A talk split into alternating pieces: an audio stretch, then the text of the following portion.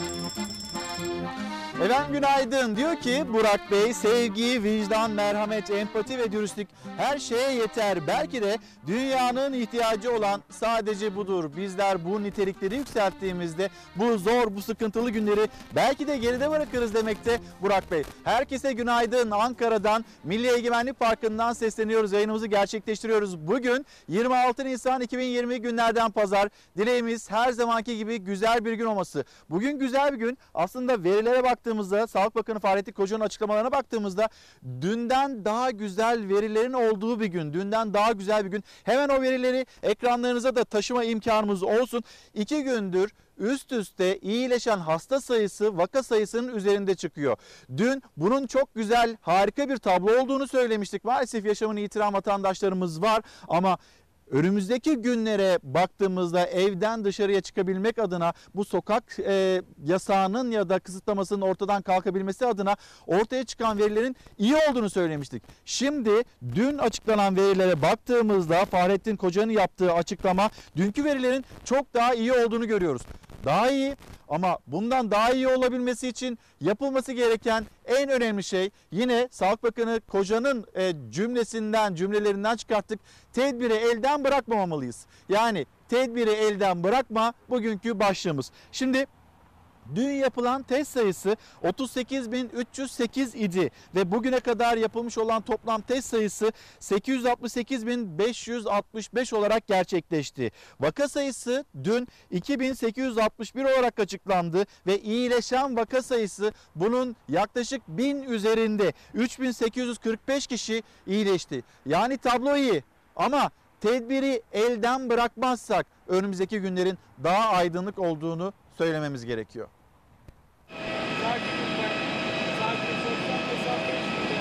Son 24 saate taburcu olanların sayısı 3845. Yeni konulan tanı sayısı ise 2861. Yani aradaki fark ilk kez bu kadar fazla. Tam 984 kişi. Sağlık Bakanı Fahrettin Koca umut veren haberi sosyal medya hesabından duyurdu. Hemen ekledi. Tedbire devam. Tedbirleri uygularsak ölüm oranları düşüyor. Kesin olan budur. Sosyal mesafeye uyuyoruz. Çok yaklaşmayalım. Aranızı biraz açar mısınız? 25 Nisan itibariyle yapılan test sayısı 868.565 oldu. Dün 2861 kişiye teşhis koyuldu. Toplam vaka sayısı 107.773'ü buldu. 106 vatandaşımız hayatını kaybetti. Toplam vefat sayımız 2706. Tabloya göre toplam 25.582 hasta iyileşti. Siz tedbirleri esnetirseniz bir anda boş bir umuda dönebilir. Korona nedeniyle Ramazan ayı da evlerde büyük ve kalabalık iftar sofraları kurulamadan geçiyor. Sağlık Bakanı Fahrettin Koca bugünler içinde bir paylaşım yaptı. Gelecek yıl dostluklar yakın olacak. İftar davetlerini gelecek yıla erteleyelim. Hayırlı iftarlar dedi. Bakan daha önce birkaç hafta içinde virüsün pik yapmasını bekliyoruz demişti. Koronavirüs Bilim Kurulu üyesi ve Kayseri Şehir Hastanesi Başhekimi Profesör Doktor İlhami Çelik de etkinin azalması için Haziran ayını işaret etti. Haziran gibi bitmesini öngörüyorum açıkçası. Öyle de ümit ediyorum. Ee, pik yaptık mı Türkiye'de henüz yaptığımızı düşünmüyoruz. Daha önümüzde 1-2 haftanın olduğu kanısındayım pik yapma konusunda. Umarım insanlarımız önlemlere uyarlar. Profesör Doktor Çelik koronavirüs tedavisi görerek hastalığı atlatan kişilerin tekrar hasta olması olasılığının düşük olduğu kanısında. İyileştiyse o kişide antikor meydana gelmiştir. O kişinin tekrar hasta olması olası gözükmemektedir. Ancak bu kişilerin antikor düzeyinin ne olduğu konusunda henüz tam bir fikrimiz yok. Yani koruyucu antikor düzeyi nedir bunlarda? Bunu tam bilemiyoruz henüz. Onu ölçmek gerekiyor. Uzmanlar çok kesin cümleler kurmak için daha fazla veriye ihtiyacımız var diyor. Virüsle ilgili bilinmeyenlerin sayısı fazla. Kesin olan bizim kendi hijyen ve izolasyonumuza dikkat etmemiz gerektiği. Bugün yine bol konuklu bir yayın gerçekleştireceğiz. Birazdan önemli bir ismi, bir devlet adamını ağırlayacağız burada. Devlet Bakanlığı yapmış kabinede görev almış bir ismi ağırlayacağız. Gürcan Dağdaş gelecek. Devlet aklı bu gibi durumlarda nasıl işler? Mesela belediyeler, belediyelere uygulanan o kısıtlamalar, hesaplarının bloke edilmesi, aşevlerinin kapatılması. Böyle bir durumda, böyle bir salgında acaba devlet aklının nasıl işlemesi gerektiğiyle ilgili Gürcan Dağdaş'ın yorumları, değerlendirmeleri değerlendirmesi ne olacak? Yine siyasete dair önemli tartışmalar var, polemikler var. Konuşacağız. Sizleri Tunceli'ye götüreceğiz. Sizleri Ardahan'a götüreceğiz. Ardahan Belediye Başkanı Faruk Demir bizlere anlatacak. Ardahan'da neler yaptıklarını, koronavirüsle nasıl mücadele edildiğini. Aynı zamanda Tunceli'ye gideceğiz. Tunceli'de bir başarı tablosu var. E, ve bu başarı tablosunda acaba belediyenin üstlendiği sorumluluklar nelerdir? E, Mehmet Fatih Maçoğlu hangi görevleri üstlendiği bu koronavirüsle mücadelede bunu konuşacağız. Ama bugün yine en fazla konuşmak istediğimiz konulardan bir tanesi de üretim. Üretim hani biz normale döneceğiz. Hepsini işte bu meseleleri hallettikten sonra bir normalimiz olacak. Belki bundan sonra başlayacak olan hayat bizim yeni normalimiz olacak. Peki bu yeni normalde biz hala tarlalarımızı beton yapmaya devam edeceğiz yoksa üretmeyi mi akıl edeceğiz. En çok bunu konuşmamız gerekiyor. Önümüzdeki günlerde biz bu günlerden ders çıkartmalıyız. Şöyle bir dünyaya, şöyle bir tabiata baktığımızda galiba tabiat kendine ait olanı da biraz geri istiyor. Çünkü biz etrafımıza, çevremize berbat davrandık. Belki de tüm bunları bundan yaşıyoruz. Böyle olmasın diye yine bir yol haritası ortaya koymamız gerekiyor. Bir, salgını yeneceğiz. Ondan sonra da ondan sonra da üretmeyi öğreneceğiz, doğayla barışık yaşamayı öğreneceğiz. Her yere mesela beton yapmamamız gerekiyor. Bugün üretim meselesini özellikle konuşmak istiyoruz sizlerle. Gazetelere bakalım. Cumhuriyet Gazetesi, Cumhuriyet Gazetesi'nin manşeti Cerrahpaşa Destanı. Yani Sağlık Bakanı Fahrettin Koca orada e, bu mücadele içinde sağlıkçılar, sağlıkçılarla ilgili önemli adımlar atılıyor. Onların özlük hakları ile ilgili adımlar atılıyor. Bir yandan da hatırlatalım orta öğretim hemşireler, onların yaşadıkları sıkıntılar var. Bizim problemlerimiz de çözülsün. Bize daha fazla atama imkanı sağlansın. Sağlık Bakanı'na seslerini de duyurmuş olalım aynı zamanda. Biz onları alkışlıyoruz. Evlerine gitmeden, çocuklarını görmeden, sevdiklerini görmeden çalışmaya, mesaiye devam ediyor sağlık çalışanları. İşte o sağlık çalışanlarından bir bölümü, bir kesiti belki de Cerrahpaşa Destanı manşetiyle Cumhuriyet Gazetesi'nin manşetinde yer alıyor. Salgına karşı Cerrahpaşa'da büyük mücadele var. Yurttaş da ev yemeğiyle destek veriyor. Yine açıklandı. Türkiye'nin Wuhan'ı neresi diye sorulacak olursa İstanbul şehri e, gösterilmişti. Yani salgının en fazla nüfusa da e, oranladığınızda matematiksel oranda e, onu gösterecektir zaten. İstanbul en fazla vakanın olduğu yer, olduğu şehir ve burada sağlık çalışanlarına çok daha fazla sorumluluk düşüyor. Ve manşete dönüp baktığımızda tüm Türkiye'de sağlık emekçileri büyük özveri göstererek salgınla mücadele ediyor. Büyük çoğunluğu 45 gündür ailelerini görmüyor ve kendileri de virüsle karşı karşıya. O büyük mücadelenin verildiği yerlerden birisi de Cerrahpaşa Tıp Fakültesi.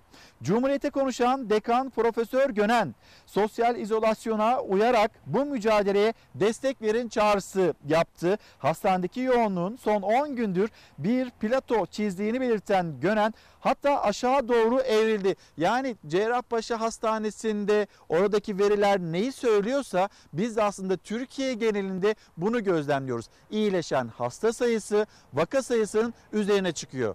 Ama bir kez daha söyleyelim. Tedbiri elden bırakma.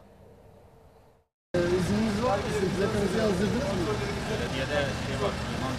Tamam şöyle bir sağa yaklaşın. Gerekli kontrolleri yapalım akabinizi gönderin. Türkiye salgınla mücadelesinin 46. gününde ilk kez iyileşen hasta sayısının tespit edilen yeni vaka sayısını geçtiğine şahit oldu. 24 Nisan günü 3246 hasta iyileşti, 3122 yeni vaka tespit edildi. Aradaki fark azdı ama bu kritik bir eşikti. Ertesi gün fark daha da artacaktı. Son 24 saat içinde taburcu olan hasta sayısı bugüne kadar iyileşen toplam hasta sayısının yaklaşık %15'ini oluşturuyor. Taramada erken tanı ve tedavide başarılıyız. Bu noktadan geri dönüş olmamalı. Alınan sonuçlara tedbirle destek şart. Bize güç verin. Ertesi gün yani 25 Nisan'da toplam tanı koyulan hasta sayısı 2861 oldu. Taburcu olanların sayısı ise 3845. Yani aradaki fark tam 984 kişi. İlk kez bu kadar fazla. Sağlık Bakanı Fahrettin Koca umut veren haberi sosyal medya hesabından duyurdu. Son 24 saatte 3845 hasta taburcu edildi. 2861 yeni tanı kondu. Taburcu olanların sayısı yeni hasta sayısından 984 fazla. Şifa bulanların toplam sayısı ise 25 bini geçti. Testlerin pozitif çıkma oranı azalıyor. Bu tabloya tedbirle destek şart. Bu salgının kontrol altına alındığının en büyük göstergesi ve Türkiye diğer ülkelere kıyasla bu noktayı çok daha erken yakaladı. diğer ülkelerin deneyimlerine bakarak aşağı yukarı bir 5 hafta 6 hafta civarında bekliyorduk orayı yakalamayı. Bu noktaya kadar getirdik. Son derece iyi bir noktadayız ama bir hafta sabretmemiz lazım. Bakın bu işte en yanlış şey sabırsızlık olur. Açıkçası bu rakamlar böyle düz çizgide gitmez. Bunlar oynayacaktır. Ancak kesin konuşmak için yine de çok erken. Çünkü denge her an bozulabilir. Enfeksiyon hastalıkları uzmanı Profesör Doktor Mehmet Ceyhan İlker Karagöz'ün konuğu olduğu Çalar Saat'te salgınla mücadelede nasıl bir yol haritası çizilmesi gerektiğini anlattı. Vaka sayısını, iyileşen vaka sayısının altında tutmak çok daha zordur. Çok daha fazla dikkatli olmalısınız. Biz bir hafta sonra oturup rahatlıkla işte ne, neyi ne zaman yapalım, işte nasıl yapalımı konuşabiliriz. Çünkü orası çok daha zor bir nokta. İkinci bir salgın dalgası tabii ki olabilir ve hatta bundan daha büyük de olabilir. Ceyhan tedbiri elden bırakmamak konusunda uyardı. Bir adım atmak için önümüzdeki hafta sonuna kadar rakamları takip etmek şart. Çünkü kuralları gevşetmekte hızlı davranan ülkeler hiç iyi sonuçlar almadı. Örneğin İspanya bunu işte 4 gün önce yakaladı ve her şey çok güzel giderken tekrar günlük vaka sayıları arttı. İyileşen sayısı azalmaya başladı. Japonya yakaladı onu sonra birdenbire olağanüstü hal ilan etmek zorunda kaldı. Türkiye'de koronavirüs vakasının görüldüğü ilk il 16 milyon nüfuslu İstanbul'du. Virüs hızla yayıldı ve 81 il arasında en fazla vaka sayısına sahip olan salgından en çok etkilenen il olarak İstanbul zirveyi gördü. İşte bu yüzden uzmanlara göre normalleşmenin en erken yaşanacağı şehirde büyük ihtimal İstanbul olacak. Tüm Türkiye'nin ilk vakanın görüldüğü günün öncesine yani normal hayata dönebilmesi ise aşının bulunmasına bağlı ve bu yıllar sürebilir. Ne zaman bir aşı bulunur da herkese yapılır, herkes bağışık hale gelirse bunun bir, bir, bir buçuk seneden önce ortaya çıkması mümkün değil. Aşı salgını kontrol etmeye yetişmeyecek büyük bir ihtimalle ama biz bu salgın kontrol edilinceye kadar biraz diken üstünde yaşayacağız. Nihat Bey, Nihat Akdoğan günaydınlar sağ olun. Herkese bütün Türkiye'ye e, güzel bir pazar günü dilemiş. Derya Bey, Derya Şeker Tarsus'tan yazmış Selma Hanım. Güzel haberler bekliyoruz demekte. Güzel haberler geliyor. Bu haberlerin daha güzel olabilmesi için tedbirin elden bırakılmaması gerekiyor. İşin özü, işin gerçeği esasen bu. E, Aynur Hanım, Aynur Derici çok doğru. Maalesef yasaklara e, uyanlar hani onların evde kalması gerekiyor ya da yasaklara uymaları gerekiyor. Biz bu salgından ancak bu şekilde kurtulabiliriz demekte. Serkan Bey, Serkan Köse de şimdi sokağa çıkma yasağı geliyor. İşte o sokağa çıkma yasağı günlerinde e, zaman zaman marketler onlarla ilgili e, önlemler, e, tedbirler alınabiliyor ya da marketlerin açık kalması düşünülebiliyor. Ama aynı zamanda mesela kasaplar Ramazan ayı boyunca sadece ekmek yenilmeyecek. Sadece market alışverişi yapılmayacak. Aynı zamanda et alışverişi yapılacak, tavuk alışverişi yapılacak. Kasaplarla ilgili de bir düzenleme ya da onların yaşadığı durumu da bir hatırlatır mısınız demekte. Özdağ Bey, Özdağ Korkmaz da e, sanatçıları, orkestra ve sahne çalışanlarını hatırlatıyor. Yani bizim çalıştığımız yerler kalabalık yerler, Salgın günlerinde maalesef bizler çalışamıyoruz. Evlerimizde e, kısıldık kaldık. Bizim durumumuz ne olacak? Hani kuaförlerden bahsediyorsunuz ya da farklı farklı esnaftan, küçük esnaftan, çiçekçilerden, kıraathanelerden bahsediyorsunuz. Oradaki çalışanlar ama bizler bizler de aynı mağduriyetin içindeyiz diyen ve bunu hatırlatan Özdağ ve Özdağ Korkmaz. Çok sayıda mesaj geliyor. Tedbiri elden bırakma başlığı altında sizlerle konuşmak istiyoruz. Tekrar söyleyelim. Ağırlıkla ve üretimi, üretimi üretim meselesini konuşacağımız bir gün olacak. Az önce de gördünüz e, sabretmemiz gerekiyor. Ne kadar sabredeceğiz? Ne kadar tedbirli olacağız? Aslında Mayıs ayı kritik bir ay olarak bizim önümüzde e, durmakta. Ve dün burada Çalar Saat hafta sonunda Profesör Doktor e, Mehmet Ceyhan'ı ağırlamıştık. Bu tablolar yanıltıcı olabilir. İspanya'da bunun örneğini gördük. İspanya'da iyileşen hasta sayısı vaka sayısını geçmişti. Ama sonra bir rehavet ve yine e, orada salgının nasıl hızlı yayıldığını gördük, gözlemledik. Bu yüzden dikkat etmemiz gerekiyor ve bir hafta boyunca aslında önümüzdeki bir haftanın da yine kritik olduğunu söylüyor. En büyük hata sabırsız davranmak. Bunu unutmayın demekte. Peki bu ne kadar devam edecek? Bu sorunun yanıtı aslında bütün dünyada uzmanlar tarafından şöyle veriliyor. Aşı ne zaman çıkarsa biz bu salgından bütün dünya olarak birlikte ancak bu şekilde kurtulacağız. Ve hani hep söylenilir ya hepimiz aynı geminin içindeyiz diye. Evet hepimiz aynı geminin içindeyiz. Bir aşı bulunacak ve bu aşı bütün dünyayı kurtaracak. Peki nerede bulunacak? Bununla ilgili çalışmalar ne kadar sürecek? En az bir buçuk yıl, 18 ay böyle bir takvimden söz ediliyor. Fakat TÜBİTAK'tan, TÜBİTAK Başkanı'ndan da bir açıklama geldi. 9 ay, aylık bir takvim açıklandı TÜBİTAK tarafından. İlaçta çok daha erken yani bu yaz aylarında önemli bir aşamaya geleceğimizi düşünüyoruz. Belki daha da erken. Aşı çalışmalarında ise 9 aylık bir zaman dilimi içinde klinik öncesi aşamanın tamamlanması ve takibinde bizim en önemli yine bu sürecin yönetiminde ülke olarak inşallah gelecek hafta içerisinde de biz bu virüsün genetik karakterizasyonunu çıkarma no- çıkarmış noktasında olacağız. Bu da biz biz bu artık bu virüsü tanıyoruz ve bununla hem ilaç tarafında olsun hem aşı tarafında olsun nasıl mücadele edeceğimizin en önemli göstergelerin arasında olacak. İlaç için e, söyleyebileceğimiz inşallah bu yaz aylarında belki daha da erken biz evet bunu sentezleme ve üretme noktasında olacağız. Barış Çiçekoğlu günaydın. Okullar ne zaman açılacak diye sormuşsunuz. Okullar bu sene acaba açılır mı açılmaz mı? Yapılan değerlendirmeler bu sene okulların e, açılamayabileceği yönünde. Bu sene hani o sınavlar o sınavları Güney Kore'nin yaptığı başardığı gibi yapalım. Onun dışında artık herhalde eğitim, öğretim hayatına biz Eylül ayı itibariyle bakacağız. Bir de yaz aylarında yine e, Temmuz ve Ağustos aylarını kapsamayacak şekilde bir telafi eğitimi olacak. Ama bu sene galiba çocuklar okullarına, sıralarına, e, öğretmenlerin yanına dönemeyecek. Yapılan değerlendirmeler bu şekilde. Hani normalde tatil olsun diye öğrenciler e, vali amcalarının gözlerinin içine bakarlar ya da ne bileyim e, bu tatiller olsun diye e, dört gözle onu beklerler. Şimdi çocuklar evde o kadar çok sıkıldılar ki bir an önce okula gitmek istiyorlar. 65 yaş için hani bir düzenleme düşünülüyor. Evde çok sıkıldılar. 45 gündür evde e, 65 yaş üstü onların sokağa çıkması e, yasak. Bir kısıtlama var ve e, Onları düşünürken, onların sağlığını düşünürken tabii ki aynı zamanda çocukları bu hastalık etkilemiyor. Ama 20 yaş altı e, gençler, çocuklar onlar da taşıyıcı olabiliyor. Bu yüzden onlara da getirildi kısıtlama. Onlar da evde, onlar da yasaklı.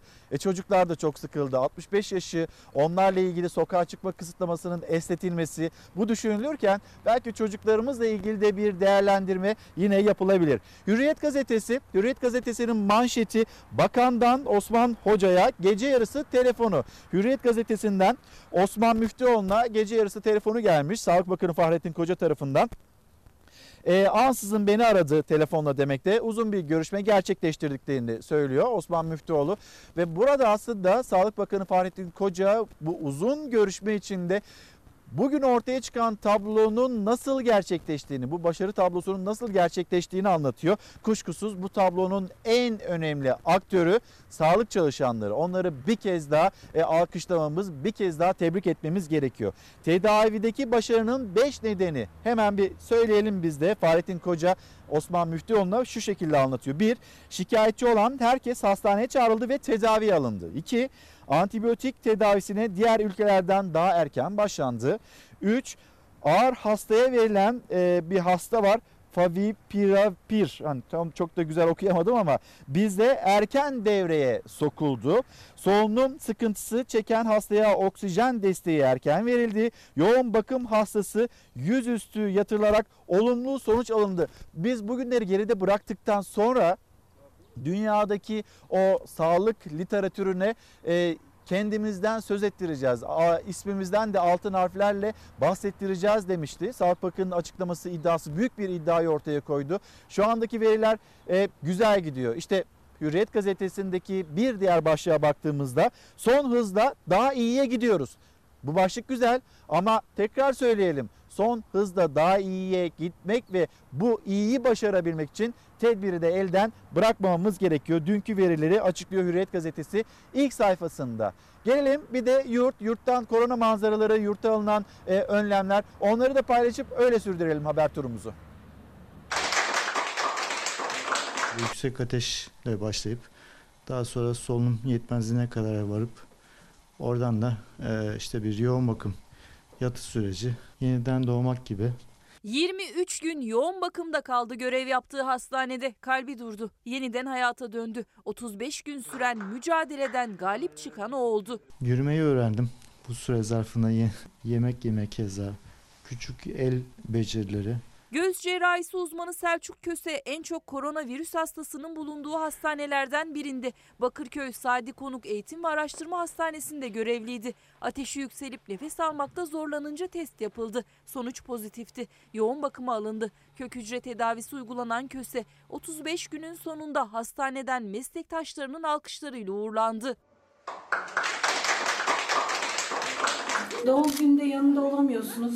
Biz de sizin adınıza geldik. Kızınızı mutlu etmek için doğum gününüzü kutlayacağız.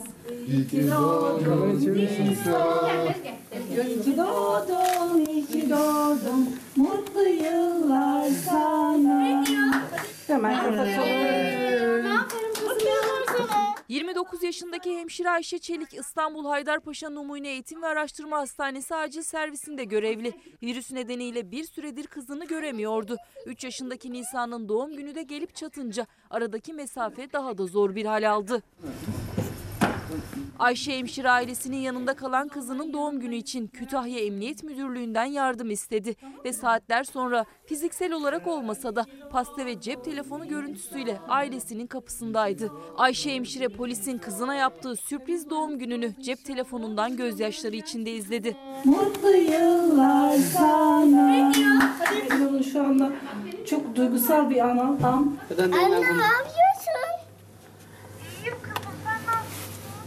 Antalya'da yaşayan 31 yaşındaki Çiğdem Akman 8,5 aylık hamileyken oğluna bez almak için dışarı çıkmak zorunda kaldı. Birkaç gün sonra ateşi çıktı. Boğazı ağrımaya başladı. Yapılan teste göre koronavirüs pozitifti. 10 günlük tedavinin sonunda hem sağlığına kavuştu hem de kızını sağlıkla kucağına aldı.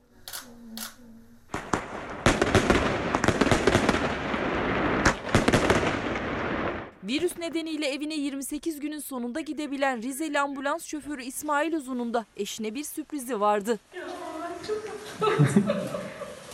İller arası seyahat yasağı nedeniyle İstanbul'dan Kırklareli'deki eşinin yanına gidemeyen Kadir Kaya da eşinin doğum günü için jandarmadan yardım istedi. Geçen herkese çok teşekkürler.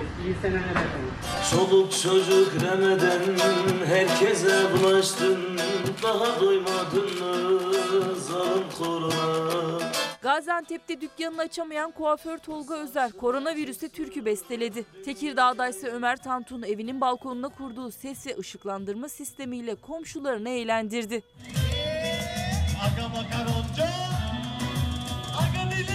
Yurt dışından Türkiye'ye dönüşlerse sürüyor. Dışişleri Bakanı Mevlüt Çavuşoğlu bugüne kadar ülkeye ayak basan kişi sayısını sosyal medya hesabından paylaştı. 60 bin kişinin getirildiği uçuşlar hala sürüyor. Çanakkale'de her yıl binlerce kişinin bulunduğu Anzak koyundaki şafak ayininde. Bu yıl sessizlik hakimdi. Onur Bey, Onur Karacaoğlu tam da az önce söz ettiğimizi aslında bizlere yazıp göndermiş. 65 yaş üstüne sokağa çıkma yasağı ile ilgili bir esnetilme herhalde gündemde. Bu konu gündemdeyken lütfen 20 yaş altı çocuklar onların da evde ne kadar sıkıldıkları, bunaldıkları unutulmasın. Onlarla ilgili de bir adım atılsın denilmekte. Karar Gazetesi manşeti sabredersek Haziran'da sokaktayız. Zaten hep o takvim verilmekte. Yani Mayıs'ın sonu, Haziran'ın başı hatta e, spor müsabakalarının yapılabilmesi için bu müsabakaların tamamlanabilmesi için ligin bitirilebilmesi için yine e, Haziran'ın 12'sine tarih verilmiş durumda. E, belki de turizm sektörünün başladığını e, Haziran'ın yine başlarında gör, görebileceğiz, buna tanıklık edebileceğiz. Herkes aynı tarihi veriyor. Cumhurbaşkanı Erdoğan bayramda çifte bayram yapalım, böyle dışarıya çıkabilelim demekti. Ama bunu başarmak için yapılması gerekenler var. Bir kere en başında rehavete kapılınmaması gerekiyor. Bunu bilim kurulu üyeleri de söylüyor. Bu konunun uzmanları da söylüyor.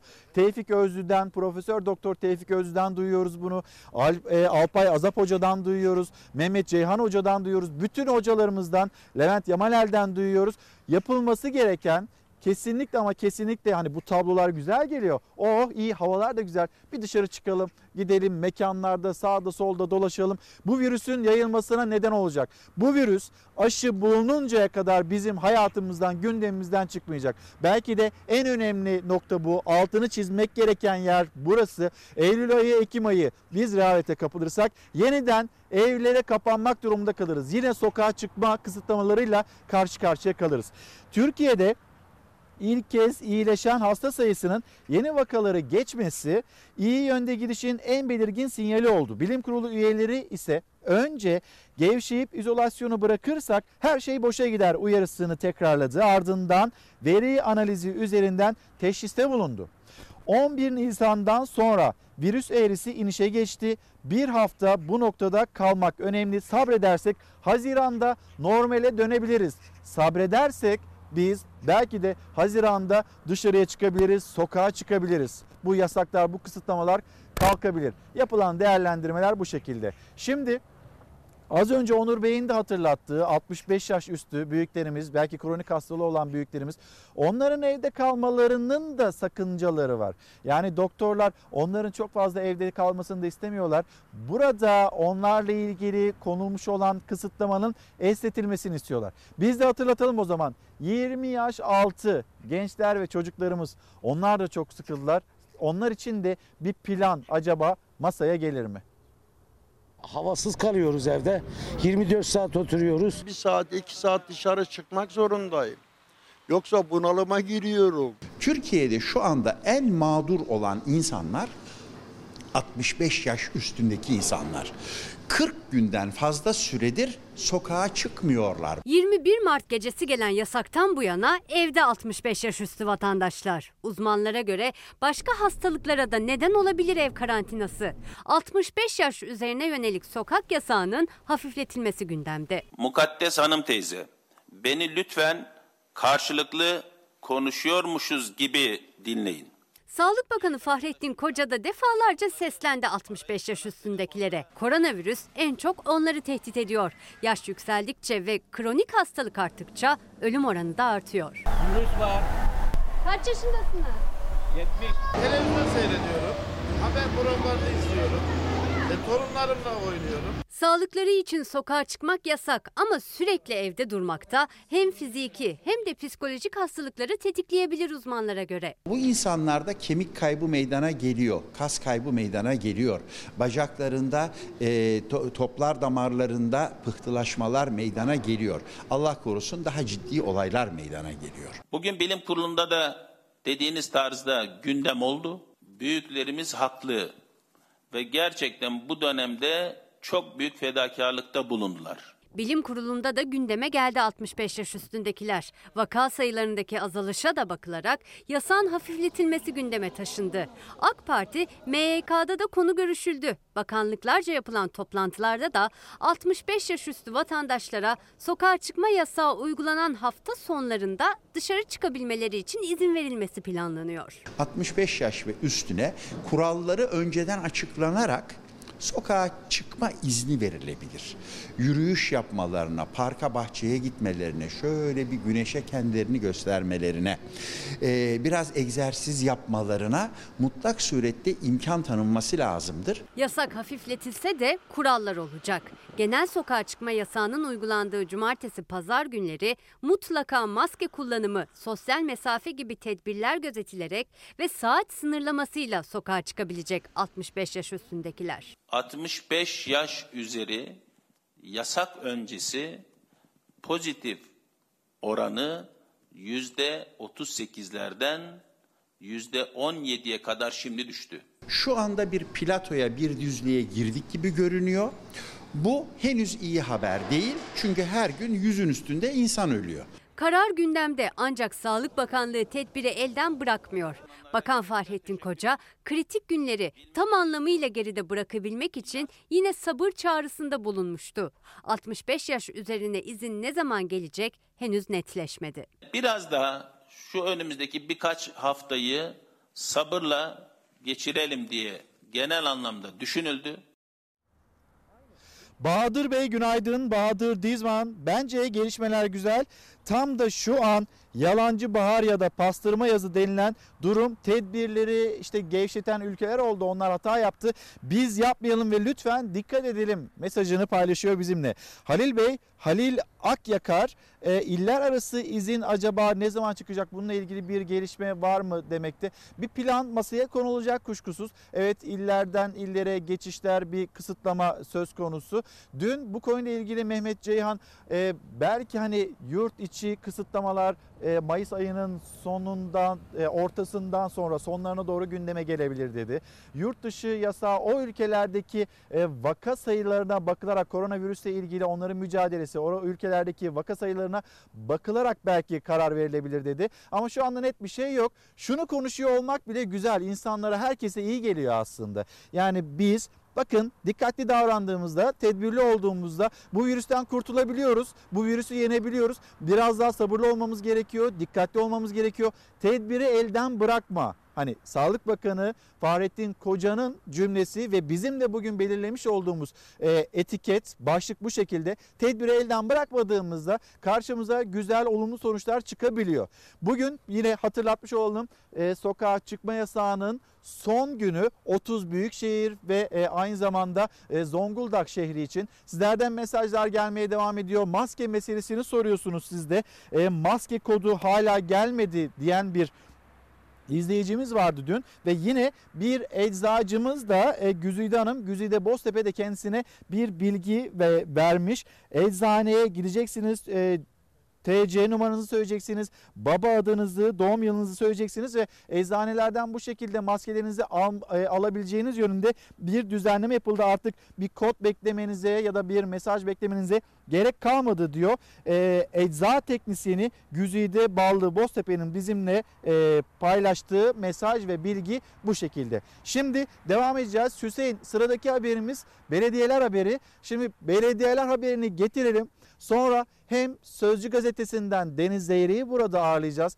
Hem de bu kısıtlamalar, aşevleri, yasaklanan ekmek, bedava ekmek dağıtımları bununla ilgili aslında bir devlet aklının nasıl işlemesi gerektiğini de kabinede görev yapmış bir isim önceki yıllarda deneyimli bir isim devlet adamı Gürcan Dağdaş'la Dağdaş'la konuşacağız. Bir haberimizi izleyelim sonra konuklarım burada. Sorun ekmek dağıtmak değil, izinsiz şekilde yapmaktır. Bu tür teşebbüsler geçmişte FETÖ ve PKK gibi örgütler tarafından da denenmişti. Bunu kabul etmemiz mümkün değil. Cumhurbaşkanı Erdoğan'ın CHP'li belediyelere yönelik FETÖ PKK benzetmesine ilk kez bir AK Partili belediye başkanından aynı zamanda Türkiye Belediyeler Birliği Başkanı olan Gaziantep Büyükşehir Belediye Başkanı Fatma Şahin'den kabul edilemez değerlendirmesi geldi. Şahin benzetme değildi, genelleştirmeydi dedi ama doğru bulmadığını söyledi. Halkın oyuyla seçilmiş belediye başkanlarımız yol ve yöntemleri farklı olsa bile oturulur konuşulur.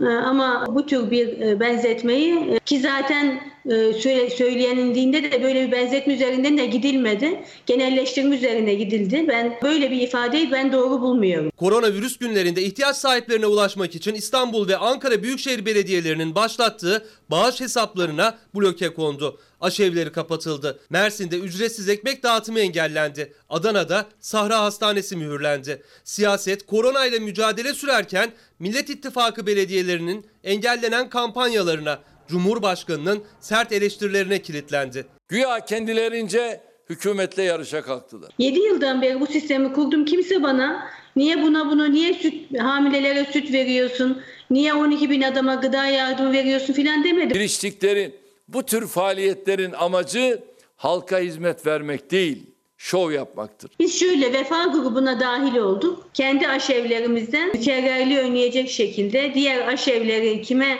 götürüyorsa bizim ona götürmeyeceğimiz bir çalışma yaptık. Yaklaşık 20 gün önce bir şehirde bir kampanya yaptık. Kalbe dokun gönül kazan. Yardım alıyor musunuz yani oraya? Çok az yani genelde %85 bizim kendi bütçemiz. Yasal olarak zaten benim görev alanım sosyal belediyecilik olarak. Fatma Şahin Yavuz Ova'nın programında yaptı bu değerlendirmeleri. İhtiyaç sahipleri için kendilerinin de bir kampanya başlattıklarını ama Cumhurbaşkanının biz bize yeteriz kampanyasını duyurmasıyla nakdi kısmını durdurduklarını söyledi. Valiliklerin devreye girdiğini hatırlattı. İstanbul valisi 39 belediye başkanını davet ediyor makamına. Büyükşehir Belediye Başkanı'nı davet etmiyor. Neden? Ama ben o valiyle birlikte çalıştım. Ali valiyle çalıştım. Gaziantep'ten gitti Ali vali. Niye böyle oluyor ben de anlayamıyorum. Valiyle yapılan e, görüşmelerde Ekrem Bey'in davet edilmemesinin kendi iradesinin dışında oluştuğu şeklinde bir izlenim edinildi. İstanbul başta CHP'li bazı belediyelerle valilikler arasında temas sağlanır mı? Daha fazla ihtiyaç sahibine ulaşmanın formülü bulunur mu? Bu sorulara yanıt aranırken paralel yapı, devlet içinde devlet, FETÖ PKK benzetmeleri de çözümü zora soktu. Şahin'in Belediyeler Birliği Başkanı olarak yaptığı uyarıysa önemliydi. Toplum da vallahi billahi bakın bizden bunu bekliyor. İnsanlar can derdinde. Hangi partiden, hangi belediye başkanının ne verdiğinin hiçbir önemi yok. Şu anda kim benim derdime çare olur, kim biz derdiye bakıyor. Dolayısıyla bugünler yarınları belirleyecek. Devlet Eski Bakanı Gürcan Dağda şu anda Çalar Saat hafta sonunda konuğumuz Ee, ve yine Sözcü gazetesinden Deniz Zeyrek, Deniz abi de burada. Günaydın. Günaydın, Hoş geldiniz. yayınlar. Efendim şimdi e, aslında biz Deniz abiyle haftalardır konuşuyoruz. Bu koronavirüsün başladığı günden beri belediyeler, belediyelerin aldıkları önlemler, sonrasında işte ne bileyim hesapların bloke edilmesi, e, bedava ekmek dağıtımının yasaklanması, Sahra Hastanesi Adana'da bunun mühürlenmiş olması bu ve benzeri e, adımlar vardı ve yine devlet içinde devlet önce kurulan cümle bu şekilde e, oldu. Sonra paralel devlet iması ya da bir terör örgütüyle ilişkilendiren benzetmeler. Bunlara itiraz eden bir aslında belediye başkanını da haberimizde yayınladık. Fatma Şahin Belediyeler Birliği Başkanı o da itiraz ediyor e, bu duruma, bu tabloya. Devlet aklı burada nasıl işler diye sormak isterim size. Estağfurullah. Ben şimdi peşinen bir şey söyleyeyim. Bazen insan bir sine arar derdini anlatmak için. içini boşaltmak için. Fox TV başta Doğan Şentürk olmak üzere Türkiye'nin sinesi olarak görüyorum. Bunu bir iltifat olarak kabul etmeyin. Sağ olun. Çok naziksiniz. Zaman zaman olup bitenden dolayı doğal olarak birikmiş öfkemiz oluşuyor. Bu sebepten dolayı bir yerde konuşma ihtiyacı içerisinde oluyor insan. Ben bugün bu fırsatı bana verdiğiniz için teşekkür ederim. Hoş geldiniz. Estağfurullah ne demek. Şimdi uzun süredir belki meselenin özüne inmemiz lazım. Uzun süredir Türk siyaseti kimlik ve promosyon siyasetinin kendine yöntem olarak seçmiş ve bu araya kendisini sıkıştırmıştır. Dolayısıyla kimlik ve promosyon siyaseti eee, iktidarların icraatlarının ölçümlenmesi için aklı devreden çıkarır. Akıl gerekeni yaptı mı yapmadı mı, karda mıyız, zararda mıyız sorusunu unutur. O kimlik alanını kaşıdığınızda o ehil midir, liyakatlı mıdır, ülke için doğru şeyler yapıyor mu? Bu soru seçmenin aklından uzaklaşır. Şimdi hiç kimse babasının cebinden para ödemiyor.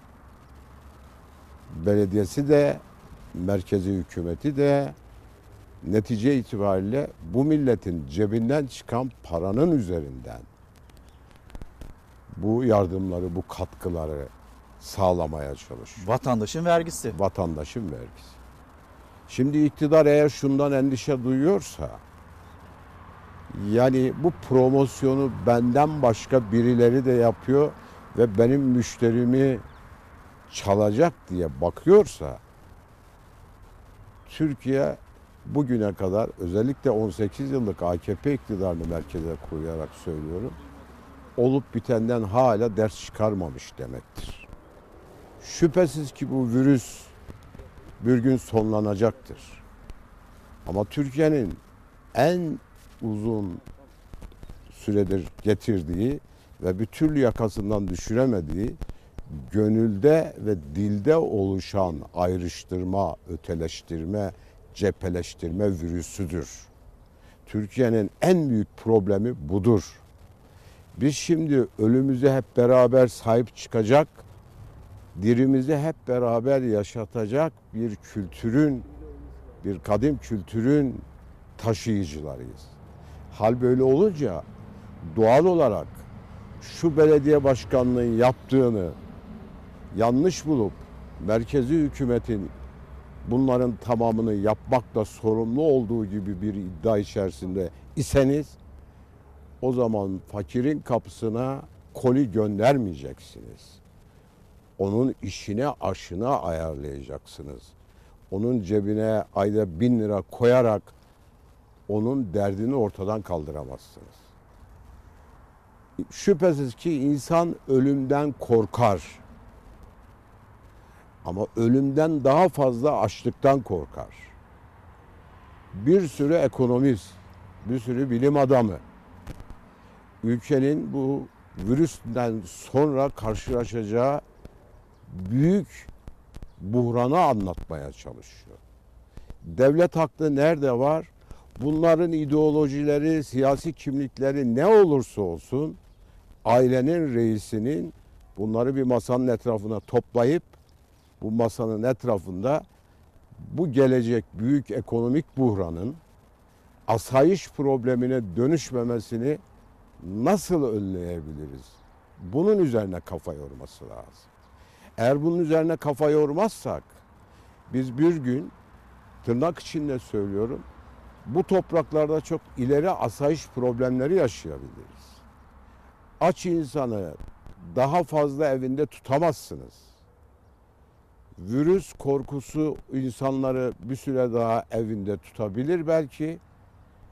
Ama mide denilen bir şey var ki bu her şeyin ötesinde insana evin dışına çıkarmak zorunda olan bir haldir. Şimdi Türkiye önemli fırsatları kaçırdı. Ben epey heyecanlandım. 7 Haziran seçimlerinde ortaya çıkan tabloda bir AKP-CHP hükümetinin ülkedeki cepheleşmeyi ortadan kaldırabilecek bir bahar iklimi estirebileceğini düşündüm ve dua ettim. Oturup kalktığım yerde bunu anlatmaya çalıştım. Bu, bu fırsatı Türkiye kaçırdı. 15 Temmuz belasının üzerine yeni kapıda bir fotoğraf çıktı. O beni yine heyecanlandırdı.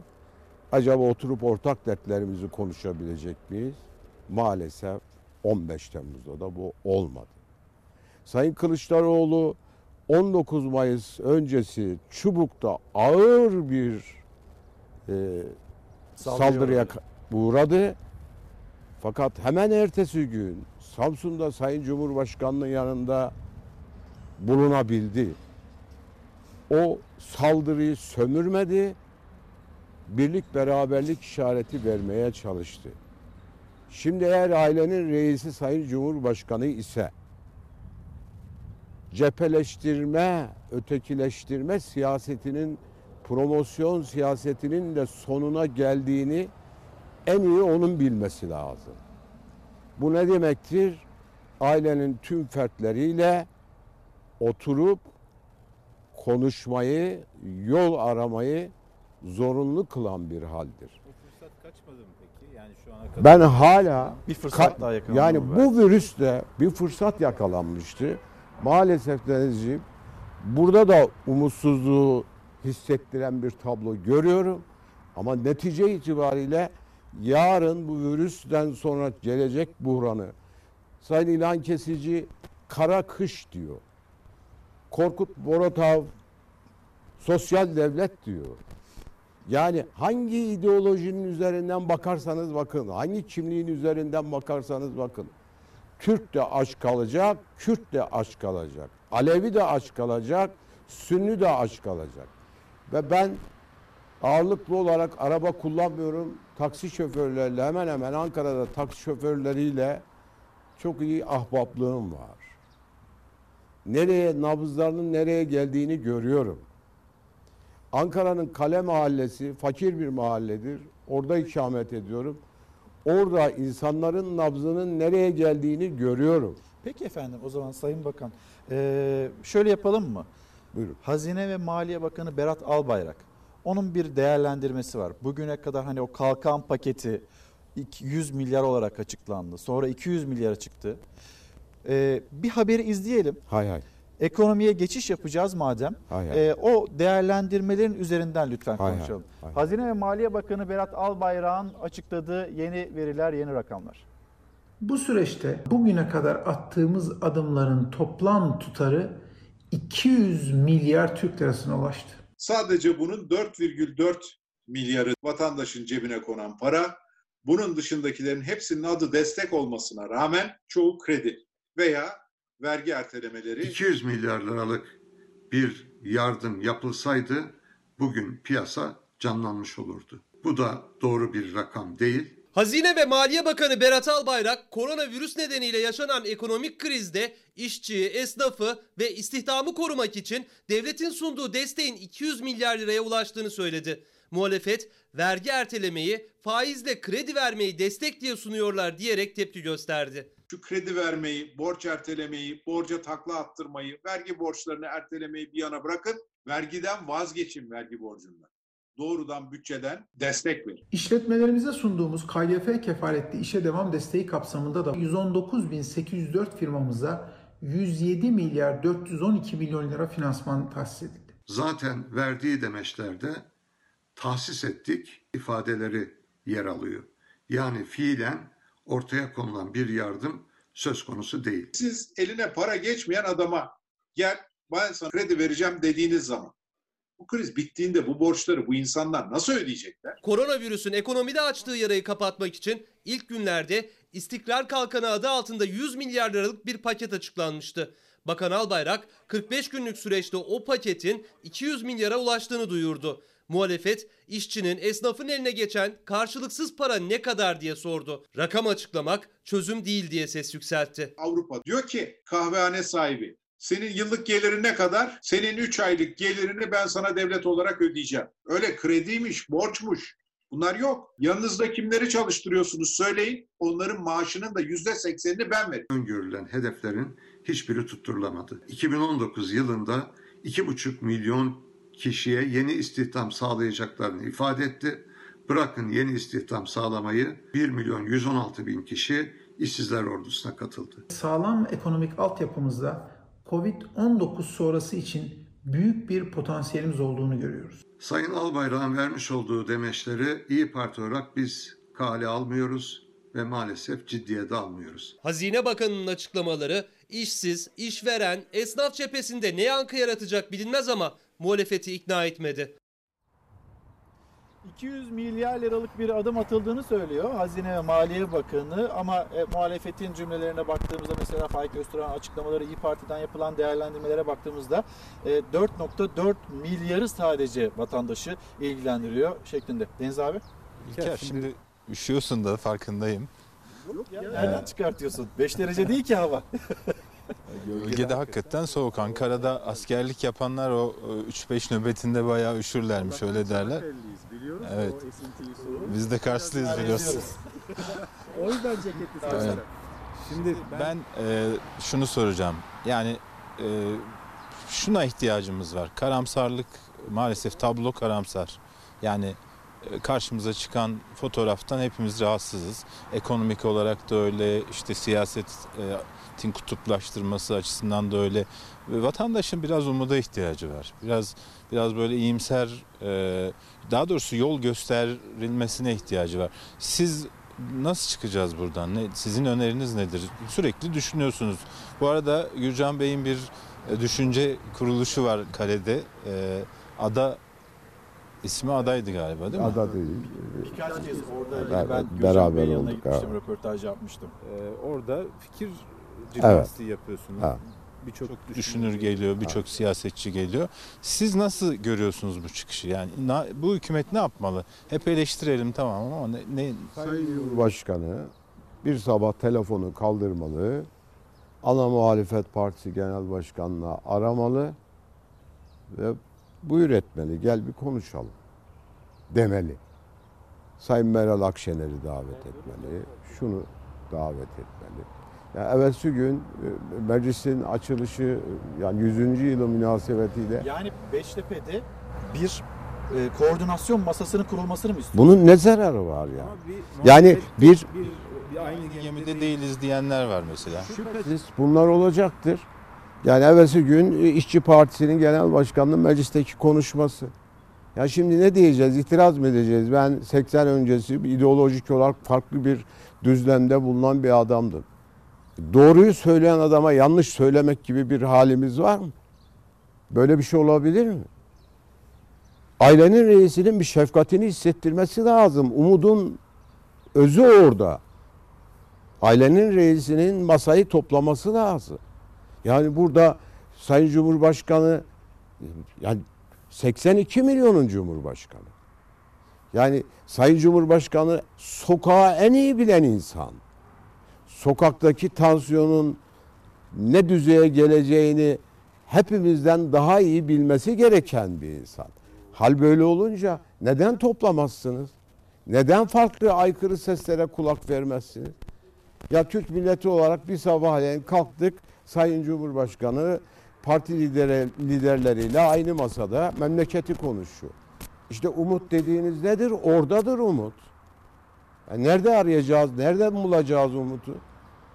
Yani bir şapkanın altından tavşan çıkaracak bir durumda değiliz. Bu virüse gelinceye kadar ekonomi zaten yeterince derin e, sıkıntıları önümüze çıkaracak bir boyuta gelmiş idi.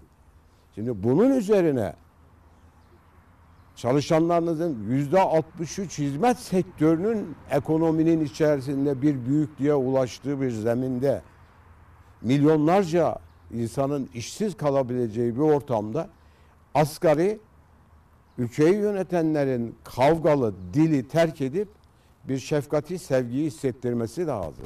Bu ülke şüphesiz ki bu ekonomik buhrandan da çıkacaktır.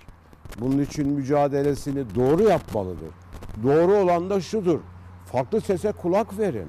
Yani her farklı sesi siz hain, paralel diye tarif ederseniz ya insanlar konuşmadığı müddetçe farklı sesleri siz duymadığınız müddetçe sadece size gösterilen güllük gülistanlık bir Türkiye fotoğrafıyla yani Sayın Maliye Bakanı'nın açıkladığı rakamlar Türkiye'nin 24 saati, 24 saatlik bir işleyişte yutuyor parayı.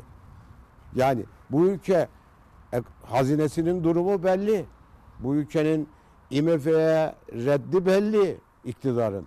Yani nereden bulacaksınız siz bu parayı? Yani bu parayı bulabilmeniz için insanların o fedakarlık, insanların o şefkat, insanların o sevgi ve diyalog zeminini görmesi lazım. Burada ben kimsenin servetine filan gözümü diktiğim yok. Hani bir anekdot olsun diye söyleyeyim. Geçenlerde Siirt'teydi zannediyorum. Adamcağız çocuğuna bir motosiklet almış. Çocuk da motosikletin önüne Karl Marx'ın resmini yapıştırmış. Baba bağırıyor. Lan bu bizim dedemiz değil, babamız değil. Sonra parayı ben verdim. Senin ne haddine benim resmimi asmıyorsun da bu sakallının resmini ar, ar, asıyorsun diye. Ben de Twitter'da hani bir ironi olsun diye dedim ki parayı veren düdüğü çalar düzenine karşı olan Marx ve parayı verip niye benim düdüğü çalmama izin vermek istemiyorsun diyen bir baba var. Şimdi hal böyleyken bizim çıkıp kendiliğimizden bir şeyi üretmek, bulmak, çıkarmak. Şimdi tarım niye aklımıza geldi? 18 senedir tarım konuşuluyordu. Tarım niye aklımıza şimdi geldi? Geldi de peki geldiği andan itibaren tarıma gerçek manada elini uzatan, çiftçinin arkasında durabilen bir iktidar, iktidar sözcüsü bu konuyla ilgili kişilerin yaptıkları bizi heyecanlandıracak durumda mı? Hayır. Sadece aklımıza geldi. Bugün bugün yapacağımız e, yani yaptığımız yayın içinde en çok konuşacağımız konulardan bir tanesi de bu olacak. Üretim meselesi. Mesela Ankara Ziraat Odası e, Başkanı burada olacak. Birazdan e, Tunceli'ye gideceğiz. Tunceli Belediye Başkanı Mehmet Fatih Maçoğlu. O bu tarımla ilgili neyi nasıl başardı? Biraz bunu konuşacağız. Koronavirüs konuşacağız ama yine bunu da konuşacağız. Son e, bir cümlelerinizi alabilir miyim efendim? yani ne diyorsunuz? Güven meselesine şey yapmak istiyorum. Birbirlerine güvenmiyorlar. diyorsunuz bir araya gelsinler ama geldiklerinde de kavga ediyorlar. Bunu nasıl Efendim e, şimdi hani birbirlerine güvenmemeleri bugüne kadar getirmiş oldukları o güven sorunu şüphesiz ki hepimizin izlediği, gördüğü bir haldir. Ama bir de bir memleketin gerçeği var.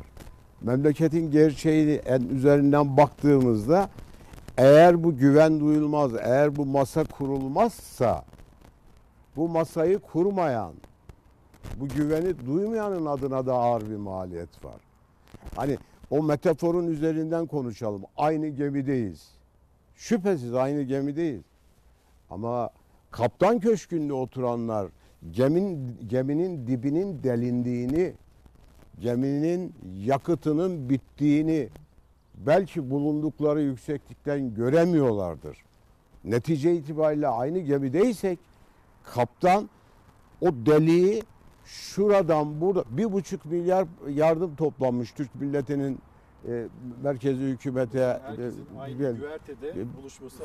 bu bu bir buçuk milyar ne demek biliyor musunuz? Türkiye'nin 6 saati demek. 6 saatin işleyişin içerisinde Türkiye'nin o deliği yutuyor onu. Bunların üzerinden bakılamaz.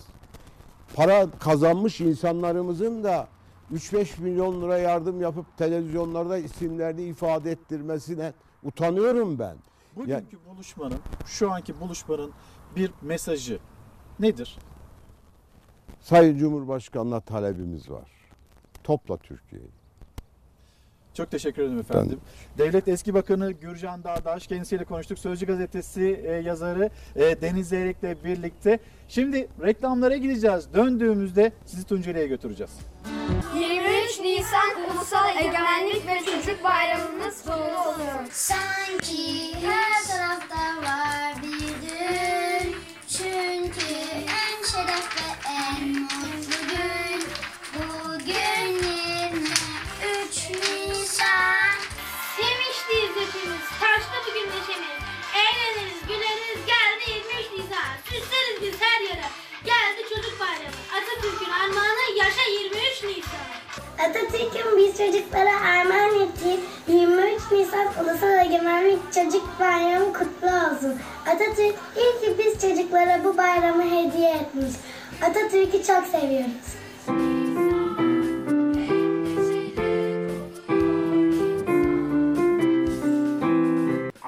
Atatürk'ten armağan yaşasın 23 Nisan. Atatürk'ün bize armağan ettiği 23 Nisan kutlu olsun. Yaşasın 23 Nisan Atatürk'ten bize armağan.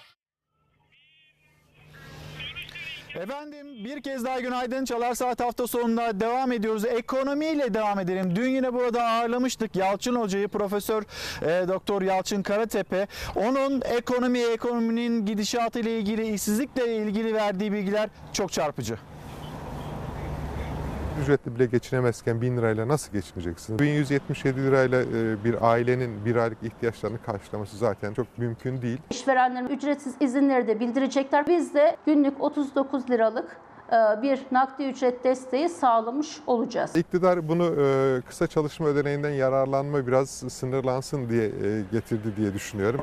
Çünkü kısa çalışma ödeneğinde ödeneme miktarları biraz daha yüksek. Kapatılan iş yerleri gelirlerinden olan çalışanlar. Korona günlerinde gelirler 2384 liralık asgari ücretinde altına indi. Vatandaş ekonomisi zorda. İlk yapılması gereken şey gelirlerinden mahrum olan insanların e, günlük ihtiyaçlarını karşılayabilecek bir gelire ulaşmasını sağlamanın yolunu bulmak lazım. Bu bir defaya mahsus verilen 1000 lirayla e, mümkün değil. 18 milyon vatandaşımız maalesef açlık sınırıyla karşı karşıya. Sadece günlük ihtiyaçları karşılamak değil, işsizlik de alarm verecek. Profesör Yalçın Karatepe'ye göre. TÜİK verilerinde Türkiye'de işsizlik oranı %13,5 salgın dönemi öncesinde. İçinde bulunduğumuz dönemde minimum %25 belki %28 civarındadır diye tahmin ediyorum. Berber, kuaför, güzellik salonlarında işsiz kalan sayısı 504 bin kişi. İşsiz kalan motorlu kurye sayısı 500 bin kişi. Gündelik temizliğe giden 1 milyon kadın Fiili işsizlik oranı da bundan daha yüksek olacağını düşünüyorum. İşsizlik ödeneğinden yararlanma başvuruları, veriler açıklandı. Bunları daha net göreceğiz. Ama bunlar kaydi olarak çalışan görünecek. İşsiz dediğimiz insan üretim sürecinde yer almayan demektir. Ekonomiyi bekleyen üçüncü tehlike ise döviz ihtiyacı ve dış borç çevrilmesi. Merkez Bankası'nda e, Türkiye'nin döviz ihtiyacını karşılayacak derecede dövizin bulunmaması. 160 milyar dolar civarında bir dış kaynağı çevirmek zorunda. Ülkeyi nereye sürükleyeceği belli olmayan para basma söylemlerinden sonra bu konudaki duruşlarıyla de dertlerinin millet olmadığını bir kez daha gösterdiler. Şu anda Evet. Merkez Bankası para basıyor mu? Basıyor. Yani bunu Merkez Bankası bilançosuna baktığımızda da görüyoruz. IMF'ye gidebilirsiniz deniliyor. Türkiye'de buraya gitse kotasını bir buçuk katı kadar, bu da yaklaşık 9 milyar dolar kadar bir kaynağı çok kolaylıkla kullanma ihtimali var. E, Türkiye için fena bir döviz girişi olmaz. IMF kaynağı iktidarın gündeminde görünmüyor. Merkez bankalarıyla swap anlaşmaları yapılabilir mi? Dış kaynak gelir mi? Gözler yeni haftada koronanın daha da ağırlaştırdığı ekonomiyle mücadelede. Efendim şimdi sizleri Tunceli'ye götüreceğiz. Tunceli Belediye Başkanı Fatih Mehmet Maçoğlu e, tam karşımızda, ekran karşısında. Sayın Başkan günaydın. Sesimi duyabiliyor musunuz?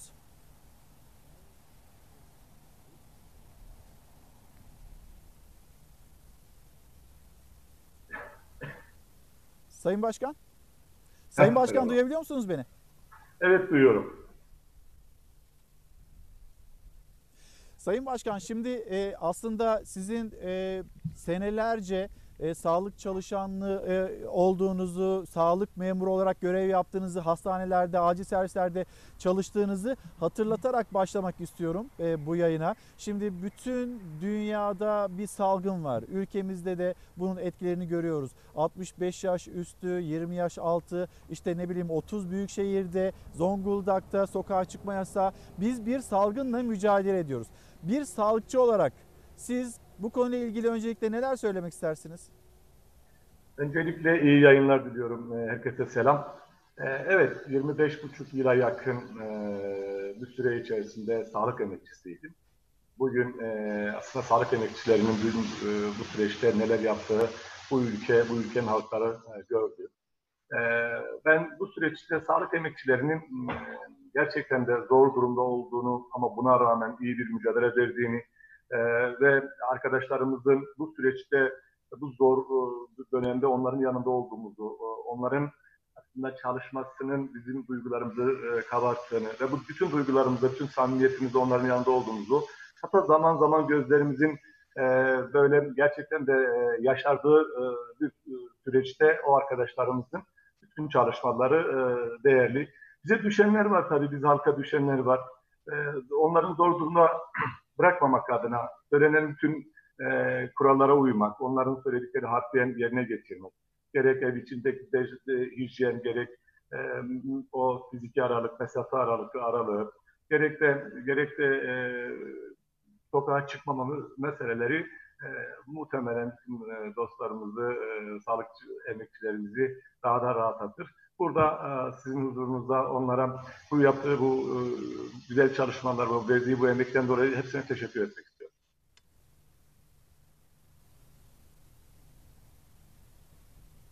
Sayın Başkan şimdi e, sizin şehrinizdeki durumu da öğrenmek istiyoruz.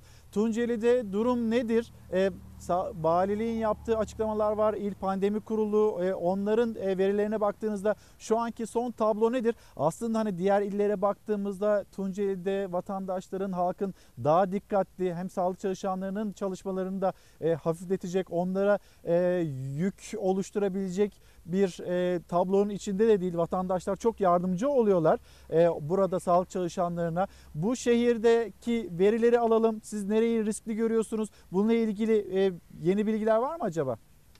Evet aslında e, Dersim e, 1 milyon üzerinde e, nüfusu olan, kütlüğüne kayıtlı olan bir şehir ama 80 bin kişi yaşıyor. Bundan kaynaklı da e, Türkiye'nin ve dünyanın birçok e, ülkesinde e, hemşehrilerimizin yaşadığını, bu süreçte daha çok oradan e, yaz sezonu, bahar, yaz ve sonbahara doğru e, binlerce hatta milyonlarca insanın buraya geldiği e, ve gerçekten turizmin iyi olduğu, e, turist e, kabulü e, yapılan e, bir şehir olduğunu söylemek isterim. Ama e, bu süreçte e, bütün şehirlerde alınan kararları, kararlardan kaynaklı e, bu sirkülasyon e, şu anda yok. Bu da bizim işimizi biraz daha da rahatlatıyor. Burada e, pandemide e, alınan kararlar, e, ülkede alınan kararlarda şehrimizin e, çok iyi e, uyduğunu söyleyebilirim. Yani Birinci toplumlarda, e, eğitim düzeyi iyi olan e, toplumlarda aslında söyleneni anlıyor. Özellikle bilim insanlarının, sağlık e, perso- personelinin, emekçilerinin, doktorların bütün uyarılar aslında buradaki halk, halktan iyi bir karşılık e, buluyor. Bu anlamıyla biraz daha rahat. 8 tane, şimdiye kadar 8 tane e, hastamız e, vardı ve 8'i de taburcu oldu. Yalnız bir hastamız e, daha şu anda dünden e, itibaren e, tespit edildi ve şu anda kontrol altında e, sağlık durumu iyi. Yani e, şu önemli, e, belediyeler e, ve e, il, il, il için yapmış olduğu çalışmaların etki alanlarını hepimiz gördük. Yani bu anlamıyla da e, bu süreçte mutlak ama mutlak belediyeler e, bulunduğu şehirlerde hem etkin etki alanlarının geliştirmesi hem de e, desteklerle güçlendir, güçlendirdiği takdirde aslında birçok şehir birçok şehirde bazı sorunların ortadan kal- kaldırılacağı da gördü. Dersim Belediyesi de e, bu eline geleni toplumuyla, halkıyla e, ve yoksullarıyla çalışma, çalışmalar yaparak aslında paylaşıyor. Bu anlamıyla bir tek hastamız var ama bu şu demek değildir. Olmayacak anlamına gelmez. Çünkü bu ülkede ve bu dünyada bu pandemi süreci içerisinde bu virüs gezdiği sürece mutlak ama mutlak biz de bununla bir gün karşılaşacağımızı biliyoruz. Bu anlamıyla bundan sonra daha da dikkat ederek bu süreci iyi ge- geçirip e, bu salgını bu yaygın hale getirerek bulaşıyı fazlalaştırma e, fazlalaştırmama adına e, mutlak ama dikkat etmemiz gerektiğini düşünüyorum. Bizde şu anda bir vaka var. Efendim şimdi e, sizin isminiz anılınca herkesin aklına e, kooperatif geliyor, üretmek geliyor. Şimdi bir haberimiz var. Bu konuya da geçmek istiyorum. Korona konusuna e, burada sizin şehrinizde aldığınız tedbirler, önlemler, esnafla ilgili aldığınız tedbirler buraya geri döneceğiz belki ama bir üretim meselesine de geçmek istiyoruz. Bir haberimiz var. Tekrar geri döneceğiz size.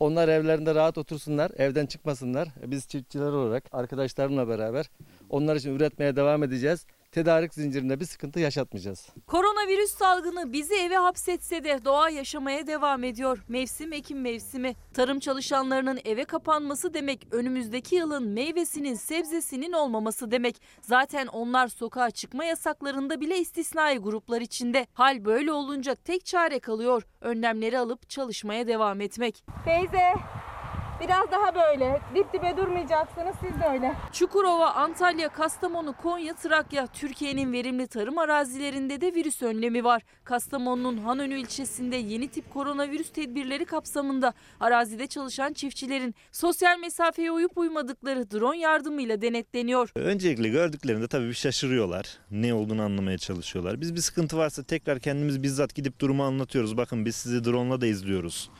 Ona göre sosyal mesafenizi koruyun. Bu ö- öncelikle sizin sağlığınız açısından önemli. Genelde anlayışla karşılıyorlar. Bir sıkıntı olmuyor. Hemen mesafeyi açıyorlar eğer bir sıkıntı varsa.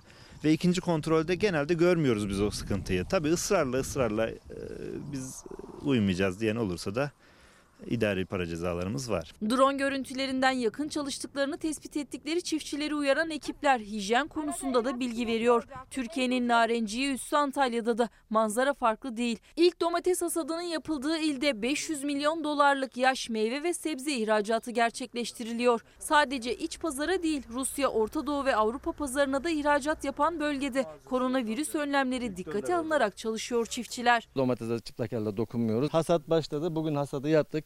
Ee, yarın inşallah Türkiye'ye dağıtacağız. Ve Çukurova Türkiye'nin önemli tarım arazilerinden biri olan Çukurova'da tarımsal üretim olumsuz etkilenmesin diye çalışmaya devam ediyor çiftçiler. Erken soğan hasadı yapıldı bile. Bu yıl 40 bin dekar alanda 160 bin ton verim bekleniyor. Virüse karşı önlemler Çukurova'da da alınmaya çalışılıyor. Ancak üreticiler özellikle tarım işçilerinin bulundukları yerlerden Adana'ya getirilmesi ve virüsle mücadeleye uygun koşullarda yaşaması konusunda destek bekliyor. Aksi takdirde virüsün yayılması söz konusu olabilir. Hayat sığar. Biz sizin için buradayız. Siz evde kalın. Sayın Başkan şimdi e, Türkiye'nin bir üretim, tarımsal anlamda bir üretim problemi var. Koronavirüs günlerinde Cumhurbaşkanı Erdoğan'ın açıklaması evinizin önünde bir karış toprak görürseniz orayı bile ekin. İşte hazine arazileri, hazine arazilerine e, ekim konusunda Tarım Bakanlığı'nın aldığı önlemler, attığı adımlar. Ama siz senelerdir aslında e, hazine arazilerinde bu çalışmaları yapıyorsunuz. Tarımsal bir kalkınmayı Ovacık'ta başardınız. Tunceli Belediye Başkanı oldunuz. Şimdi geldiğimiz noktayı o zaman değerlendirelim ya da bundan sonra nasıl daha iyi ilerleriz? Evet aslında e, üretim özellikle e, doğal üretim e, bu ülkede e, gerçekten de sorun haline geldi. Hatta üretimin e, çok e, bitme aşamasına doğru geldiğini söyleyebilirim. Endüstriyel tarım e, toprağı kirletti, e, endüstriyel tarım gıdayı kirletti. E, Kirlenen gıda üzerinde de insanların e, sağlıklı gıda hakkı e, gerçekten de artık yavaş yavaş ulaşılamaz hale geldi. Biz bunların her birinin bir sorun olduğunu biliyoruz. Aslında yapmış olduğumuz çalışmalar sadece ve sadece hani bir e, bir çalışma yapalım, bu görünür kılsın ve sonrasında da e, bunun bir reklamını bir yapıp ondan sonra ortadan çekilmek değil. Bu bir ülke sorunu olduğu an e, bir durumun e, bu şehirde de bir sorun olduğunun farkındayız. Bu anlamıyla bizler de bu süreçi e, planlamaya da başladık. Mesela e, Ovacık'ta başlayan birkaç tane çeşit çeşitle başlayan ama bugün onlarca çeşide varan üretim üretimin geliştiği ve kooperatiflerin kurulduğu, çeşitli ilçelerde kooperatiflerin kurulduğu ve bu kooperatiflerle beraber bu şehirde emekçilerimizin, üreticilerimizin ürettikleri bütün ürünler şu anda e, Türkiye'nin birçok alanda, birçok yerinde ko tüketim kooperatifleri üzerine de e, insanların ihtiyaçlarını karşılamak ve onlara ulaşmak Çünkü adına. çok doğru e, bir projeydi bu evet. kooperatifler. Evet, evet. Yani şöyledir. Çünkü şöyle düşünün. Bir ülkeyi düşünün, merkezi hükümet düşünün. Sonra onun yerindeki hüküm e, faaliyetlerini yürütenleri düşünün. Kooperatifler de böyledir. Tarım e, tarımla ilgili bütün çalışmaların, bütün üreticinin en yakın buluş, buluşacağı ve kendi ürününün değer katacağı yerlerdir. Yani kendisinin örgütlendiği, halkın e, örgütlendiği alanlardır. Bu anlamda kooperatifler mutlak olmalıdır. Mesela bu süreçte e, ek olarak ne yapıyoruz? Evet, yine bu üretim e, üretimimiz e, yüzde 50, yüzde 60 daha da büyüt, büyütmeye başladık. Aynı zamanda e, gerek sebze gerek de meyve üzerine komün bahçeleri oluşturmaya başladık. Bu şu demektir. Yani herkes kendi bulunduğu yerde e, ekilen ara, bostanların, bahçelerin ya da fidanların e, fidanlara sahip çıkarak e, önümüzdeki süreç içerisinde kendi ihtiyaçlarını karşılayabilme, toprakla buluşabilme, aynı zamanda da e, kışa hazırlık yapabilme e, süreci. Çünkü e, üretimin sıkıntı yaşadı. Yani görsel e, medyada gördüğümüz kadarıyla bugün birçok yerde soğan e, mevsimlik işçi bulamadığından kaynaklı soğanların e, tarlada kaldığını ve mevsimlik işlerinin olmamasından kaynaklı çalışanların e, olmamasından kaynaklı e, birçok ürün e, tarlada e, sorun yaşadığını ve bu bunla bu bizim karşımıza şöyle bir şey e, önümüze gelecek. Yani karşımıza çıkacak ki biz o süreç içerisinde göreceksiniz e, bir gıdayı bulmakta zorlanacağız ve gerçekten fahiş fiyatlarla karşımıza çıkacak.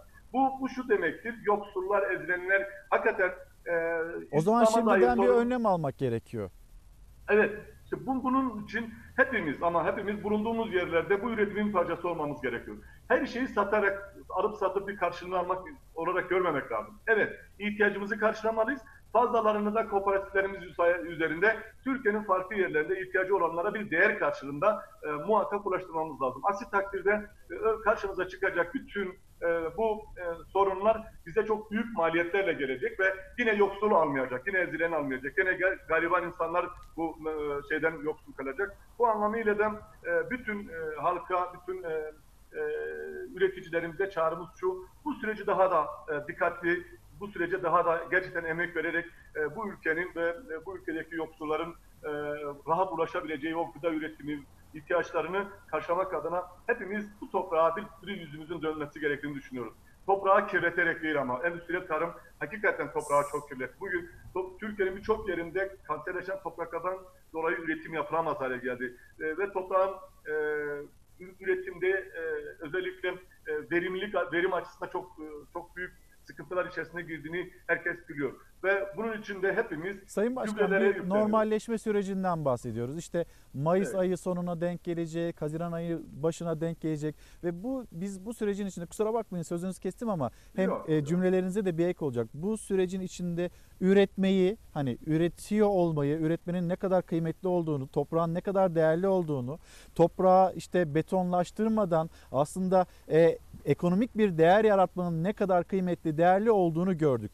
Hani normalleşirken yeni bir normale kavuşacak isek biz üretim anlamında neler yapmalıyız? Belki bunu hatırlatmak gerekiyor. Aynı zamanda işte dünya dünyadaki ham petrolün varil fiyatları bunların kıyası yapılıyor. Bunun kıyası da suyla yapılıyor, domatesle yapılıyor, bir kasa biberle yapılıyor. Farkındaysa e, ekonomi çevreleri. Belki buranın da bir altını çizmek lazım. Evet yani onun e, petrolün düşmesi e, önemli ama e, artık e, temel ihtiyaçlara kıyas yapmak bunun onun yükselmesi anlamına ge- gelecekse bu çok tehlikeli bir durum. Şunu söyleyelim yani bu ülkede oturup herkesin düşünmesi lazım. Yani bu ülkenin başında ben gerçekten merkezi hükümetler muhakkak ama muhakkak üreticiye destek vermesi. Ne yapması lazım? Çok fazla e, gerçekten de bu kadar israfı, bu kadar e, ihalelerle ve benzeri şeylerle tüketilen o e, paraların, bütçelerin biraz bu tarım meselesinde üreticiye destek verdikleri anda bazı şeylerin değişeceğini göreceğiz. Ben bu ülkede e, üreticinin aslında bu işi bırakmadığını, tersine emeğinin karşılığını almadığından kaynaklı bu üretimin geriye doğru gittiğini düşünüyorum. Bunun için mutlak ama mutlak alım fiyatıyla mazot desteği verilmelidir. Devamlı bu öyle olmalı. Sadece bu koronavirüs için değil. İki, suların, e, sulama sularının paralı e, olmaması gerekir. Yani bu bir ihtiyaçsa bu ülkenin temel gıda ihtiyacını karşılayana satış yapmak doğru olmadığını düşünüyoruz. Üçüncüsü alım garantisi verilmesi lazım. Bir de SGK, SSK'lar e, üzerinde özellikle bu e, KDV üzerinde diyelim. E, KDV üzerinden hem köylüde alırken hem marketlerde satarken %18'ler düzeyinde %10-18'e kadar e, KDV'lerin uygulandığı bir, bu ülkede o zaman e, bu devlet hem satarken hem köylüden alırken e, o vergi alıyorsa o zaman bunu desteklerken o vergiden muaf tutması lazım. Aksi takdirde e, yüksek maliyetler, yüksek maliyet oldukça da sürüm olmayacak ve bu da üreticinin bitmesi ve artık dışarıya bağımlı bir e, tarım politikasıyla e, halkın karşısına çıkacağını gösteriyor.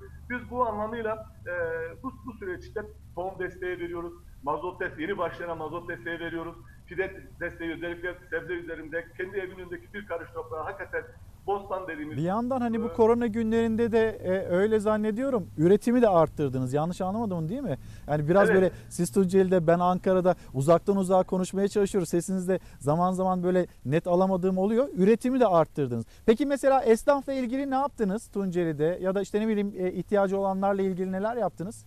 Biz daha çok maske üzerinde, e, biz ekonomisi iyi olan bir belediye değiliz. Daha çok maske üzerinde esnaf, halka büyük destekler aslında sağladık. Zaman zaman e, işte o, e, sağlık personelimize özellikle sağlık personelimize e, araç tahsis ettik. Yine sokakları, sokaklardaki dezenfektan çalışmaları, e, ilaçlamalar ve benzeri. Yine e, bu, bu süreç içerisinde e, özellikle de e, sokakta yaşayan dostlarımızın e, o e, esnafın, küçük esnafın kapatmasından kaynaklı aç kaldığını ve buna dair e, çalışmalar yürüttüğümüzü, 60 yaş üzeri ve ihtiyacı olan insan e, insanlarımıza e, yemek, sıcak yemek, günde bir kere sıcak yemek ve gerçekten de e, şey e, nedir?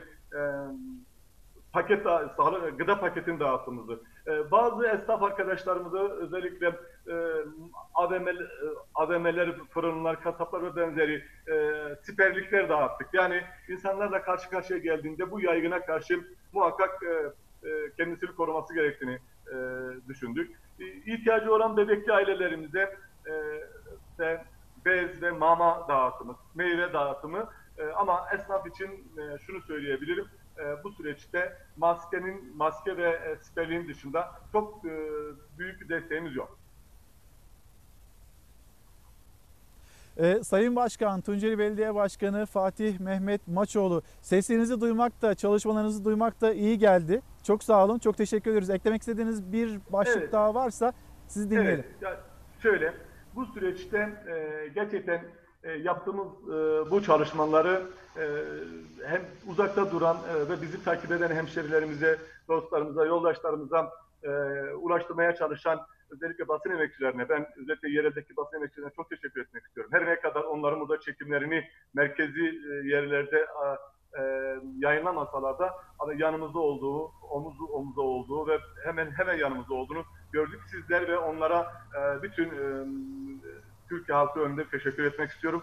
E, bu süreçte e, tüm Dersimlere ve Dersim'in dostlarına şu çağrım olsun. E, bu kurallara uymanız, bu süreci e, daha sağlıklı atlatmanız için e, uzmanların, bilim insanların ve doktorların bütün kurum e, kurumların söylemlerine dikkat etmeleri e, bu önümüzdeki dönemi daha güzel, daha e, iyi geçecek anlamına gelir ki bizim e, umudumuz var, umudumuz büyük. E, birlikte çalışarak e, bütün dostlarımızı, kurumlarımızı burada tekrar çağırarak birlikte çalışarak bunu atlatacağımızı düşünüyoruz. Hepinize çok teşekkür ediyorum. Biz çok teşekkür ediyoruz. Çok çok sağ olun Sayın Maçoğlu. Şimdi Tunceli'den Eskişehir'e gidiyoruz. Tepebaşı Kent Enstitüsü projesi köy enstitülerinden alınan ilhamla hayata geçirildi. Sosyal eğitim anlayışı teknolojik öğrenme araçlarıyla harmanlandı. Eskişehir Tepebaşı Belediyesi'nin bir süredir halk eğitim gibi ama uzaktan online eğitim verdiği bir sistem. Tepebaşı Kent Enstitüsü, Anadolu'nun aydınlanma sürecini şekillendiren köy enstitülerinin sosyal eğitim anlayışını günümüzün gelişmiş e-öğrenme teknolojileriyle harmanlayan yenilikçi bir yaşam boyu öğrenme platformu olarak 2377 katılımcıyla devam ediyor. Efendim şimdi de dünyadan notları paylaşacağız. Dün en çok konuşulan, bütün dünyada konuşulan konu Amerika Birleşik Devletleri Başkanı Donald Trump'ın e, aşıyı bulmasıydı tırnak içinde elbette. Acaba biz bu dezenfektanları damardan kendimize vücudumuza enjekte edersek düzelir miyiz diye bilim dünyasına bir öneri getirmişti. Sonra bu cümlelerinden çark etti. Bütün dünyada elbette bilim dünyasında da e, liderler seviyesinde de alay konusu olmuştu. Hem Trump'ın o açıklamaları çark edişi hem de dünyanın raporu. Koronavirüse karşı dezenfektan çözümü üreten Trump tepkiler sonrası U dönüşü yaptı. Yalan haberlere karşı alaycı soru yönelttiğini öne sürdü. Bu çıkış kimseyi ikna etmedi. Birçok ülke kısıtlamaları gevşetirken Dünya Sağlık Örgütü uyardı. Hastalığı atlatmış kişilerin koronavirüse tekrar yakalanmayacağına dair kanıt yok dedi. Covid-19 salgınında ölenlerin sayısı 203 bine yaklaştı. Hastalığı yenenlerse 817 bine aştı. Vaka sayısı 2 milyon 850 bini aşarken Dünya Amerika Birleşik Devletleri Başkanı Trump'ın akıl almaz önerisini konuştu. Dezenfektanlar virüsü birkaç dakikada etkisiz hale getiriyor. Bunları temizlik yapar gibi vücuda enjekte edebilir miyiz? Bana ilginç geldi. Hastalığa yakalananların vücudundaki virüsü dezenfektanla temizlemeyi gündeme getiren Trump gazetecilerin karşısına çıktı. Amerika lideri 484 milyar dolarlık ek bütçenin imza töreninde konuştu. Ülkedeki pozitif test oranının %38'den %28'e düştüğünü açıkladı. Gazetecilerin gündemi ise başkanın skandal dezenfektan önerisiydi. Ne olacağını görmek için sizin gibi muhabirlere kinayeli bir soru sordum. Trump geri adım atsa da yanıt tatmin edici değildi. Başkana halka dezenfektan enjektesini önerip önermediğini sordular. Tabii ki hayır. Düşmanca davranan bir grup vardı. Tıpkı senin gibi yalan haberler yapan insanlar. Onlara kinaye yaptım. Çok sayıda kişi başkanın savunmasını inandırıcı bulmadığını açıkladı. Dünyanın Covid-19'la savaşında umut verici gelişmeler yaşanıyor. Virüsün ilk görüldüğü Çin'in Wuhan kentinde son ağır hastanın da iyileştiği açıklandı. 47 hastanın kaldığı bölgede son 20 günde yeni vaka tespit edilmediği belirtildi. Salgını kontrol altına alan ülke sayısı artarken kısıtlamalar gevşetilmeye, yasaklar kademeli olarak kaldırılmaya başlandı. Okulları açma kararı alan ülkelere Avusturya'da katıldı. 2500 vakanın görüldüğü ve 130 kişinin öldüğü Yunanistan'da ise kuaförler ve küçük işletmeler pazartesi günü yeniden faaliyete geçiyor. Kısıtlamaların kaldırılmasının konuşulduğu ülkelerden biri de Rusya. Rus sağlık uzmanları kısıtlamaların 12 Mayıs'a kadar sürmesinden yana. Bu durumun hastalığın ikinci dalgasını önleyeceğini savunuyorlar. Rusya'da Covid-19 nedeniyle resmi rakamlara göre 681 kişi hayatını kaybetti. Vaka sayısı ise 75 bini buldu. Salgın nedeniyle uyguladığı birçok yasağı kaldıran İran'da son 24 saatte 76 kişi daha öldü. Toplam can kaybı 5650'ye yükseldi. Hükümet 68.193 kişinin iyileştiğini açıklarken Cumhurbaşkanı Ruhani'den uyarı geldi. Kısıtlamaların kalkmasının virüs tehdidinin ortadan kalktığı anlamına gelmediğini söyledi. Sosyal mesafe kuralına uymaya devam edilmesini istedi. Efendim bir misafirimiz daha var. Ankara Ziraat Mühendisleri Odası Başkanı Baki Remzi Su İçmez. Günaydın. Günaydın Hoş İlker geldiniz Bey. efendim. İyi yayınlar diliyoruz. Çok sağ olun. Ee, bu önemli Çok konuda bizleri davet ettiğiniz için Türk Mühendis Mimar Odaları Birliği Ziraat Mühendisleri Odası Yönetimi Kurulu adına sevgi saygılarımızı sunuyor ve iyi Çok yayınlar diliyoruz. Uyarılarınız çok önemli. Geçtiğimiz günlerde Tarım Bakanı Bekir Pakdemirli ile yan yana geldiniz. O toplantıda neler konuştunuz, neler önerdiniz, Ee, o toplantının yansımaları birazdan onu alacağız ama hani bir normalleşmeden bahsediyoruz ya. Bugüne kadar yaptığımız büyük bir hata. Yani bizim ekonomimizin temeli belki de tarım olması gerekirken üretmekten vazgeçme noktasına gelen çiftçilerimiz oldu. İşte bakıyoruz mazot fiyatlarına, bakıyoruz işte o desteklemelerin ne kadar az olduğuna, tohum fiyatlarına, ilaç fiyatlarına. Onlarda ciddi bir maliyet baskısı var. Bu maliyet baskısı nedeniyle onların yaşadığı problemler var. Bir de üzerine bu salgın koronavirüs geldi. Bir tabloyu anlatır mısınız? Ne durumda çiftçi? Ee, tüm ülkede tarım stratejik sektör olarak kabul ediliyor. Tüm dünyada da tarım doğaya bağlı bir sektör. Dolayısıyla tüm dünyada korunan bir sektör. Maalesef ülkemizde 80'li yıllardan sonra uygulanan dış alımcı, özelleştirmeci, e, tarımsal destekleri azaltıcı, dış odakların gündeme getirdiği politikalar uygulandı. Halen daha uygulanmakta ve ülkemizde tarım sektörü maalesef desteklenen bir sektör olarak, reel bir sektör olarak kabullenilmedi ve ciddi sorunlar yaşadı. Yaşamaya da devam ediyor. E, Salgın Sadece döneminde- salgın şu anda salgın tarımın önemini gündeme getirdi ama küresel ısınma gerçeği de var. Aslında tarım her dönem önemli ama ülkemizde maalesef yeterince önem verilmedi. Bu süreçte e, 3,5 milyon hektar tarım arazisi son 15-20 yılda çiftçi tarafından ekimden vazgeçildi. Çiftçi tarım arazisini bıraktı, kentlere ucuz iş gücü olarak gitti. Yeni sorunlar oluşturdu. Tarımsal destekler gündemdeydi. 2.8 milyon çiftçimiz çiftçi kayıt sistemine bağlıyken yine son 10 yıllarda yaklaşık 900 milyon çiftçi devletten destek parası almaktan da vazgeçti. Çünkü bahsettiğiniz gibi girdi maliyetleri yüksek, destekler az, destekler zamanında ödenmiyor. Dolayısıyla üretim cazip durumdan çıkıyor. Bu durumda eee Covid yeni bir e, sorun alanı oldu. Sağlık sektörü çok önemli ama insanların beslenmesi, yeterli dengeli beslenmesi de çok önemli. Nitekim insanlar ilk başta raflara koştu. Raflardaki ürünler boşaldı.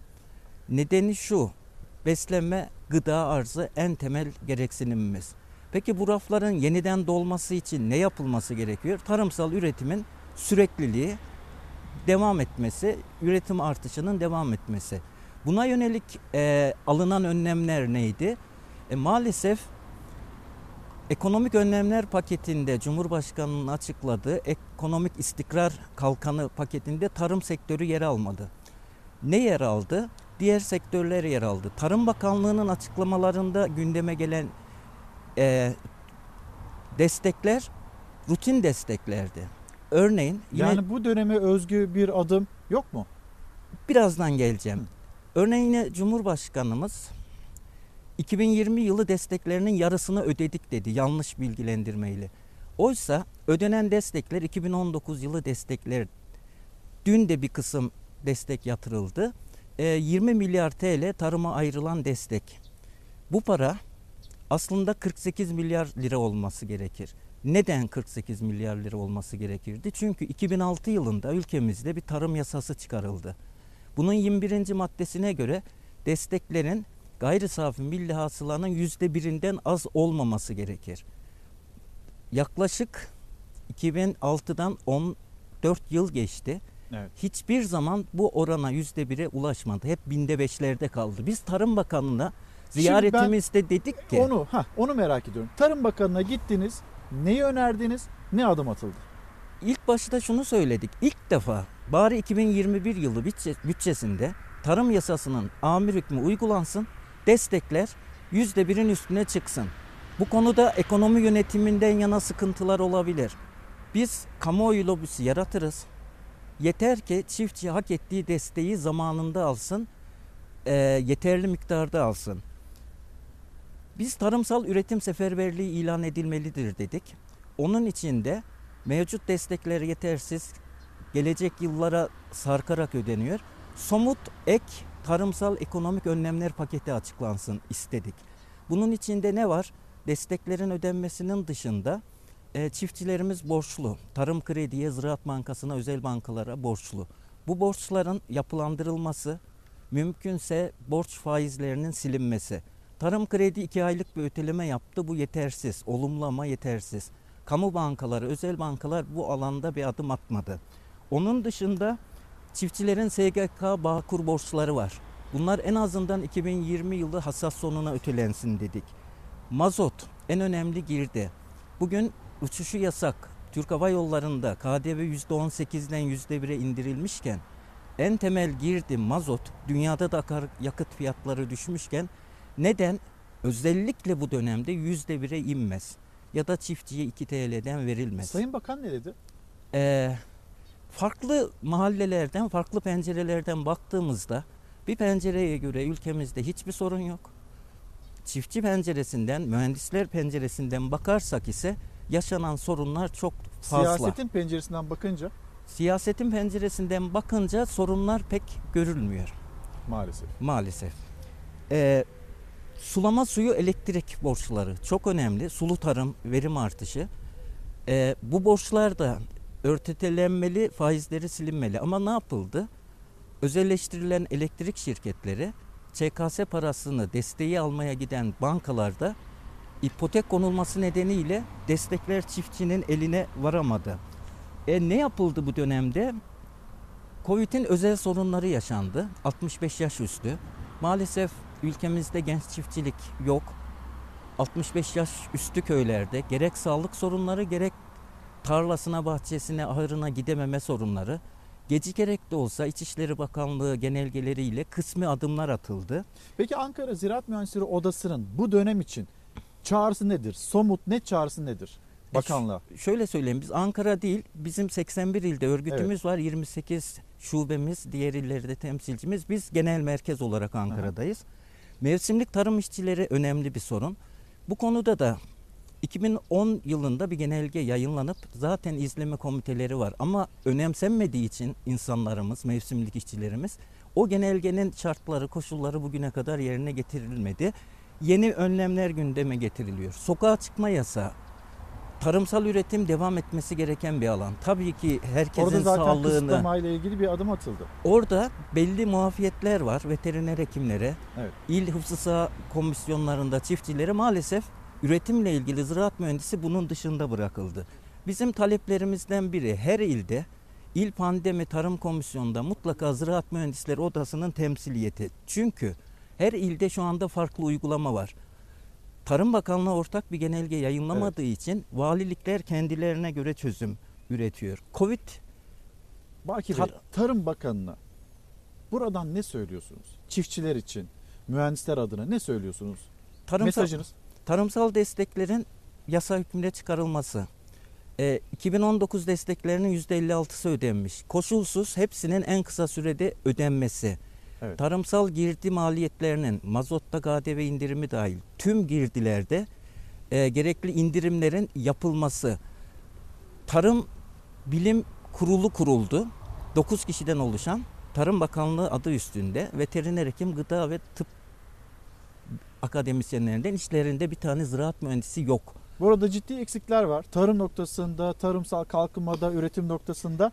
Ee, bunun hani bu süreç sadece bu süreçle ilgili değil. Hani bir, bu dönemde bir salgın yaşıyoruz ama bunun öncesinde bir problem vardı. En azından bundan sonra bu problem çözülsün diyorsunuz. Ee, son bir cümlenizi alayım. Son- Reklama gitme e, zorunluluğum var. O yüzden son cümlenizi alayım efendim. Bir istihdam sorunu var. Evet. Geçmiş Tarım Bakanlığı döneminde 10 bin toplam istihdam 3000 e, ziraat mühendisi vardı. Daha da artırılması gerekirken bu sayı 2000'e ziraat mühendisi de 699'a. Bu atamaların sayısının artırılması gerekir. Bir, şu anda çay sektörü çok önemli. E, alınan kararlarla Gürcüler de gelemiyor. Mevsimlik işçi, Evet. e, toplayıcı, çalışan işçi sorunları var. Vefa Derneği, Vefa gibi gönüllü oluşumlarla çay sektörünün sorunları çözülemez. Çok sorun var. Kısa sürede hepsine değinemeyeceğim. var. Son, Çok haklısınız. Son cümlem şu. Pansuman önlemlerle kalıcı sorunlar çözülemez. Ülkemizin derhal planlı kalkınmaya, topraklarımızı koruyan arazi kullanım planlamasına, tarımsal üretim planlamasına geçmesi, üreticilerimizin hak ettiği değeri alması, tüketicilerimizin de ucuz yeterli beslenecek gıdaya ulaşması gerekiyor. Çok Burada da demokratik kooperatifçilik mutlaka yaşama Baki getirilmeli. çok teşekkür ederim. Çok Biz sağ olun. Baki ederiz. Remzi, Su İçmez'le konuştuk. Kitaplarınız var. Kitaplarınızı da ben göstereceğim. Şimdi bir mola vereceğiz. Döndüğümüzde devam edeceğiz. Çok sağ olun efendim. Geldiniz.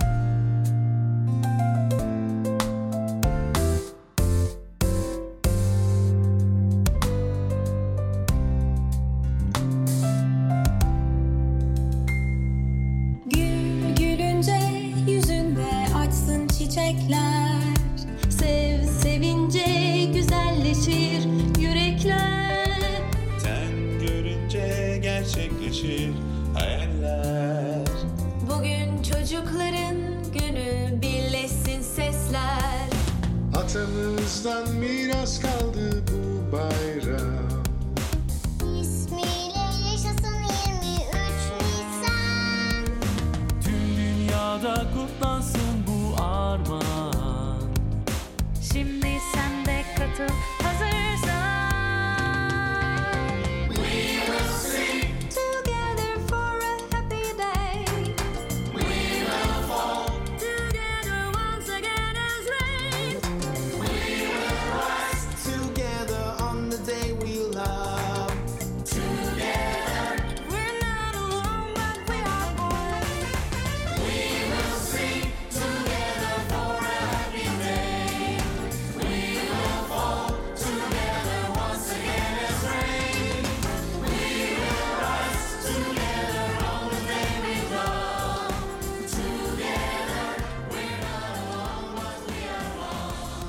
Günaydın efendim. Devam ediyoruz. Çalar Saat hafta sonuna Latife Hanım. Selamlar, sevgiler bizden de. Evet dediğiniz doğru, haklısınız. Tedbiri kendimiz almamız gerekiyor.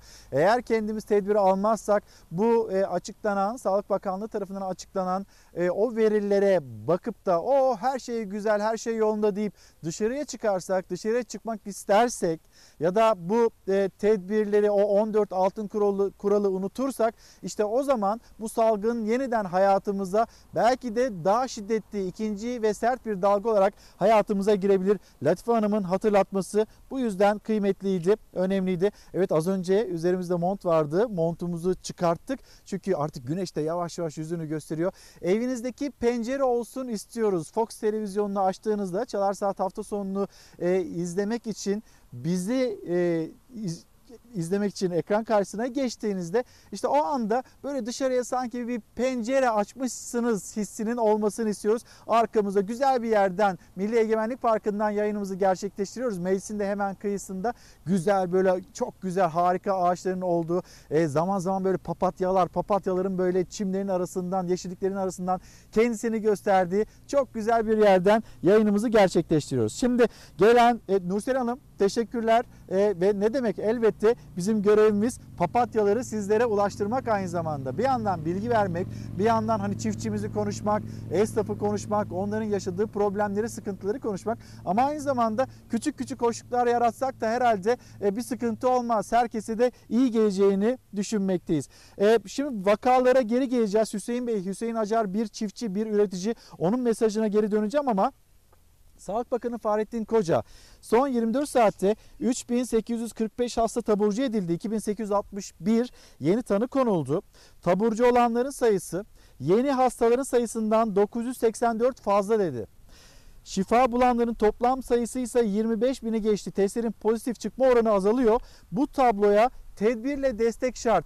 Biz de bu cümleden yola çıkarak, bu hatırlatmadan, bu önemli uyarıdan yola çıkarak etiketimizi öyle belirledik. Tedbiri elden bırakmayalım lütfen. Tedbiri elden bırakma başlığı altında bizlere mesajlarınızı gönderebilirsiniz.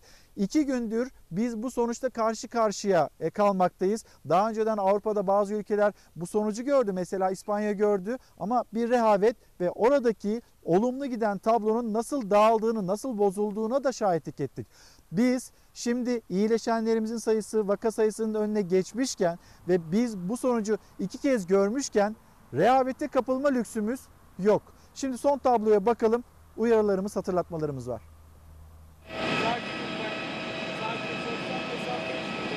Son 24 saate taburcu olanların sayısı 3845. Yeni konulan tanı sayısı ise 2861. Yani aradaki fark ilk kez bu kadar fazla.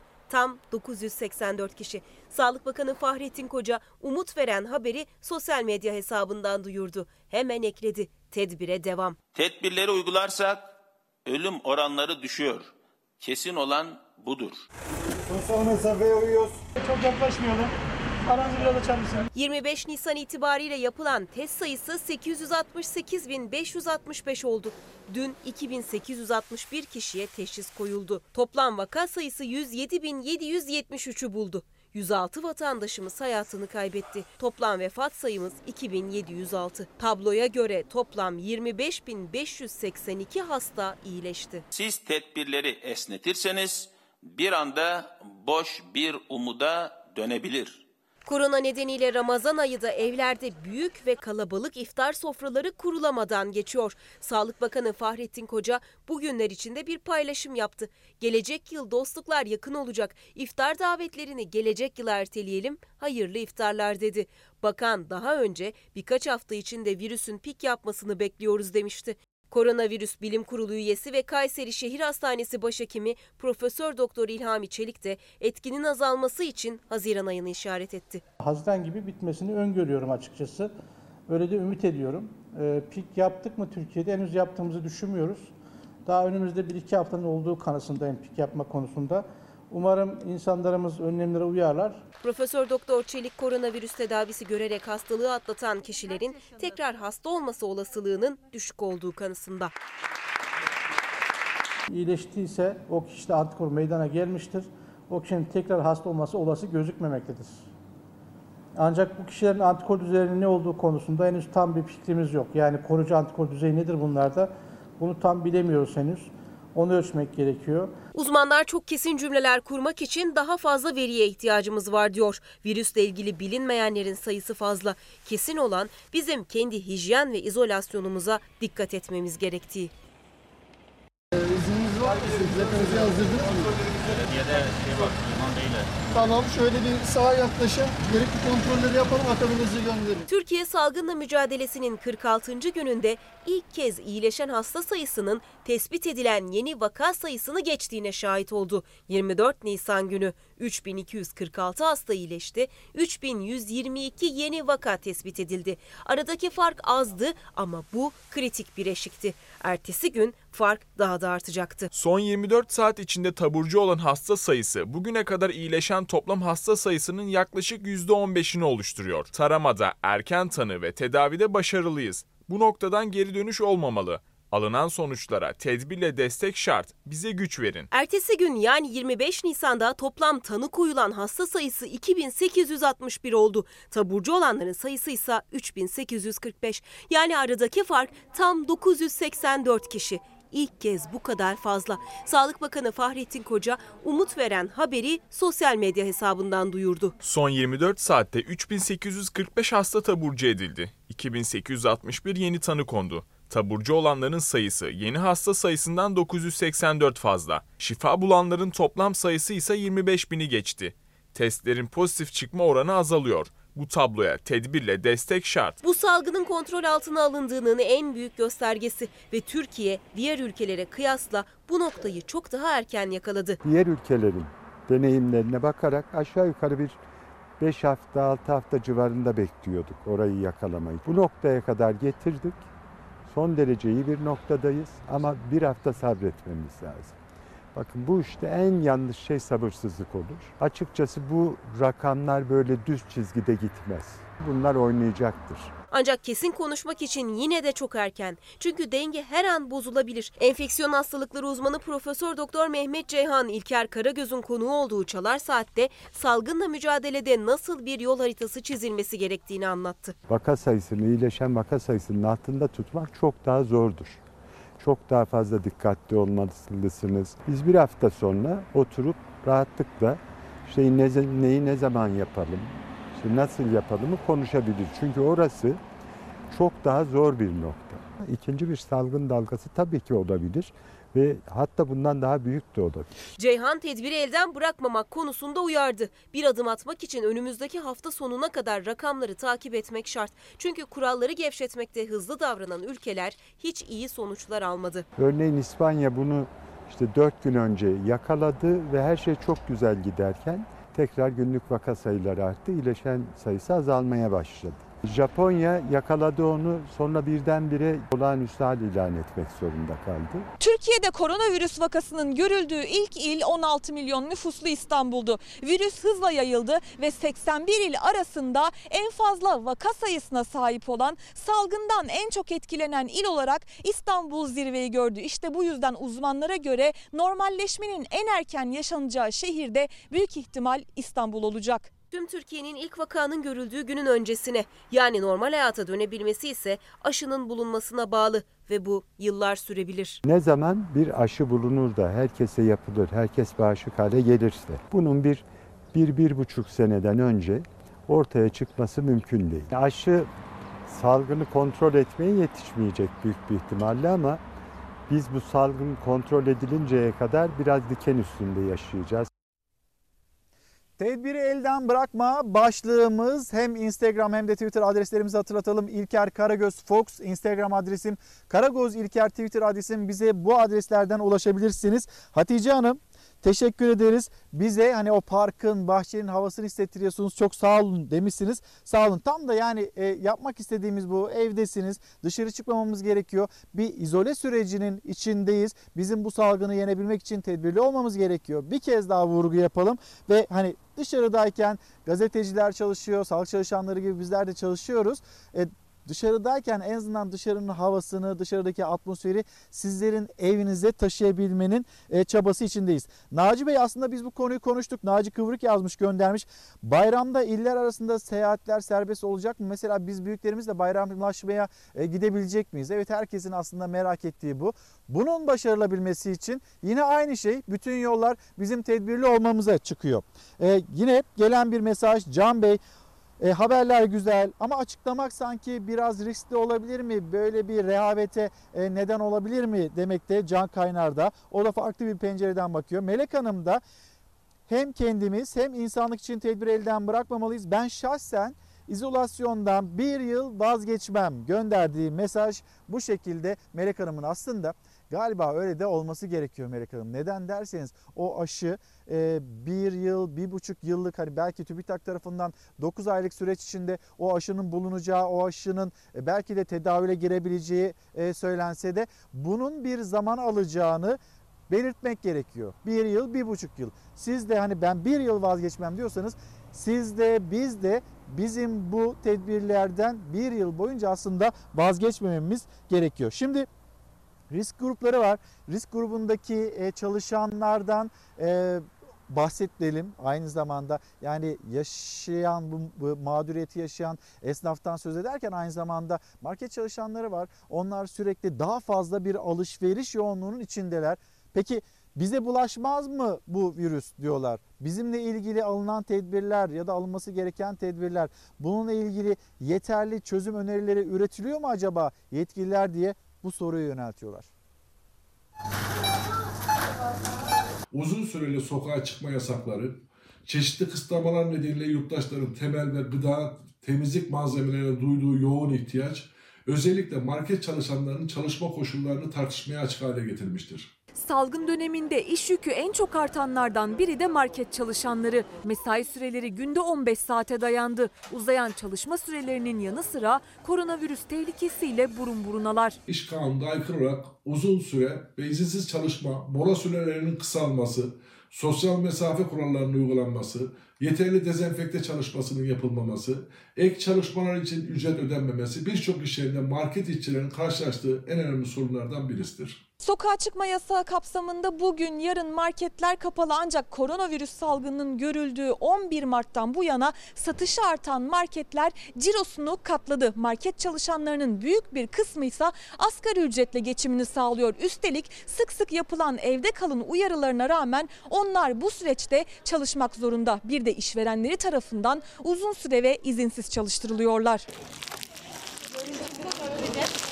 4 günlük sokağa çıkma yasağı öncesinde yığılma olmasın diye 2 gün boyunca bakkal ve marketlerin açık kalma süreleri 15 saate kadar çıkarılmıştı. Bazı market çalışanlarının mesaisi sabah 8'de başladı, akşam 23'te sona erdi. İşçilerimiz yoğun çalışma temposunda büyük sıkıntılar yaşamaktadır. Açılış ve kapanış saatlerinin işçileri yoğun bir tempo içine sokmayacak şekilde düzenlenmesi lazım. Yine birçok markette koronavirüse karşı yeterli önlem de alınmıyor. Sosyal mesafe sınırları aşılıyor. Kasiyer müşterilerle direkt temas etmek zorunda kalıyor. Sık sık değiştirilmesi gerekirken tek bir eldiven ve maskeyi çalışanlar gün boyu kullanmak zorunda bırakılıyor. Yeterli dezenfektan bulunmaması da market çalışanları için bir sorun. Hafta sonları sokağa çıkma yasağı kapsamında bakkal ve marketler kapalı. Ancak buna rağmen market çalışanlarının iş yükü azalmıyor. Talepleri hak ettikleri fazla mesai ücreti, mola sürelerinin uzatılması, ikramiye ve ihtiyaçları olan izinlerin verilmesi. Açılış ve kapanış saatlerinin özellikle akşam saatlerinin geriye alınması iftar atacak arkadaşlarımızın sıkıntıya girmemesine neden olacaktır.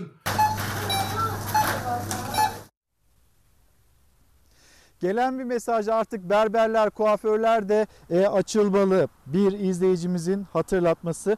Maskelerde maalesef burunu koruyan teller yok. Hani biz e, başvurduk maskemiz geldi ama burunu koruyan teller yok. Bunun bir sıkıntısı, sakıncası e, olmaz mı diye yine e, yetkililere seslenen bir e, izleyicimiz. E, aynı zamanda Nihal Hanım göndermiş. Tedbir elden bırakmıyoruz ama Bizim maskemiz henüz gelmedi. Bunu nasıl halledeceğiz? Bu bu sorunu nasıl çözümleyeceğiz diye e, sormakta. E, bazı illerimiz var. O illere geç gideceği, gidebileceği ile e, ilgili bilgilendirmeler yapılıyor. Biz bir yandan 54 ülkeye yardım malzemeleri gönderiyoruz ama bir yandan da bu maskeler meselesi belediyeler eliyle, zabıtalar eliyle halledilemez miydi? Neden bu kadar gecikti soruları da kuşkusuz beraberinde geliyor. Bir sorun var, bir problem yaşıyoruz ve bu problemi aşabilmemiz için dayanışmamız gerekiyor. Biz bu sıkıntıdan, bu salgından ve yaşadığımız, ekonomik olarak yaşadığımız sıkıntılardan dayanışarak çıkacağız, kurtulacağız. Covid-19 2020 sınır bakkal market evde kal 20'nin altı 65 üstü yeni vaka bağışıklık ilaç çare aşı nefes al.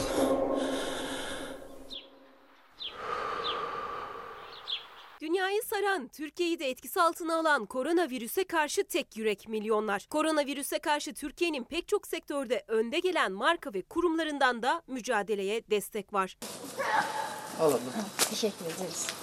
Bazı şirketler bu mücadeleye maddi destekte bulundu. Bazıları da hastanelerin ve sağlık personellerinin ihtiyaç duydukları tıbbi cihazları ve malzemeleri tedarik etti. Türkiye'nin köklü ve büyük bankalarından biri Devlet Üniversitesi hastanelerinin acil ihtiyaç duyduğu teçhizat eksiklerini karşılamak amacıyla 10 milyon lira bağış yaptı. Bu zamana kadar pek çok büyük şirkette bağışta bulundu. Bu şirketlere her geçen gün yenileri eklenmeye devam ediyor. Tüm çocukların 23 Nisan Ulusal Egemenlik ve Çocuk Bayramı kutlu olsun. Nice yüzyıllara. 25 Nisan Ulusal Egemenlik ve Çocuk Bayramımız kutlu olsun. Nice yüzyıllara.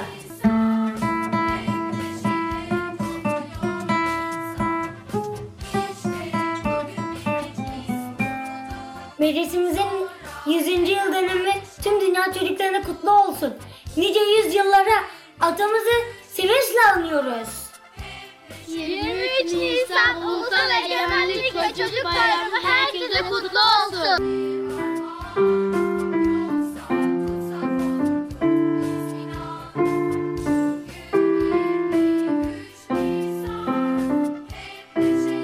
Yaşasın 23 Nisan. Sen olmaz dökülen kanlarımız sonralar hakkıdır. Hakkı tapan milletimin istiklal. 23 Nisan Nasıl çocuklar? Efendim şimdi sizleri bir de Ardahan'a götürmek istiyoruz. Serhat iline götürmek istiyoruz. Ardahan Belediye Başkanı Faruk Demir bizleri bekliyor ekran karşısında. Faruk Bey günaydın. Sesimizi duyabiliyor musunuz? Günaydın Sayın Karaköz. Çok net duyuyorum. İyi yayınlar diliyorum sağlıkla beraber. Harika. Çok sağ olun. Çok teşekkür ederiz. Şimdi hani büyük şehirler, büyük şehirlerde yaşanılan sıkıntılar, problemler böyle daha fazla gündemde yer bulabiliyor ama yani memleketimizin her yeri, her noktası çok kıymetli, değerli. Az önce Tunceli'deydik. E, memleket turu atıyoruz. Bir de Ardahan'a uğrayalım istedik. Çok sağ olun. Siz de bizi kırmadınız. Ardahan'da durum nedir? Biraz anlatır mısınız? Ardahan'da e, ilk günden itibaren çok e, ciddi tedbirler alındı e, ve e, valiliğimizin başkanlığında e, Vefa Sosyal Destek Grubu oluşturuldu. E, Pendami grubu oluşturuldu. Ve e, çalışmalarımız valiliğimizin koordinatörlüğünde sürüyor. Biz belediye olarak da kendi işlerimizi yapıyoruz. Şu anda e, hastanemizde e, 9 kişi e, yatmakta. E, yaşları başka vesileyle hastaneye yatmış fakat oradan İstanbul'dan, Ankara'dan, İzmir'den gelen yakınlarından bulaşmış olacak ki iki tane e, yaşı ileri yurttaşımızı e, hakka yürüdü.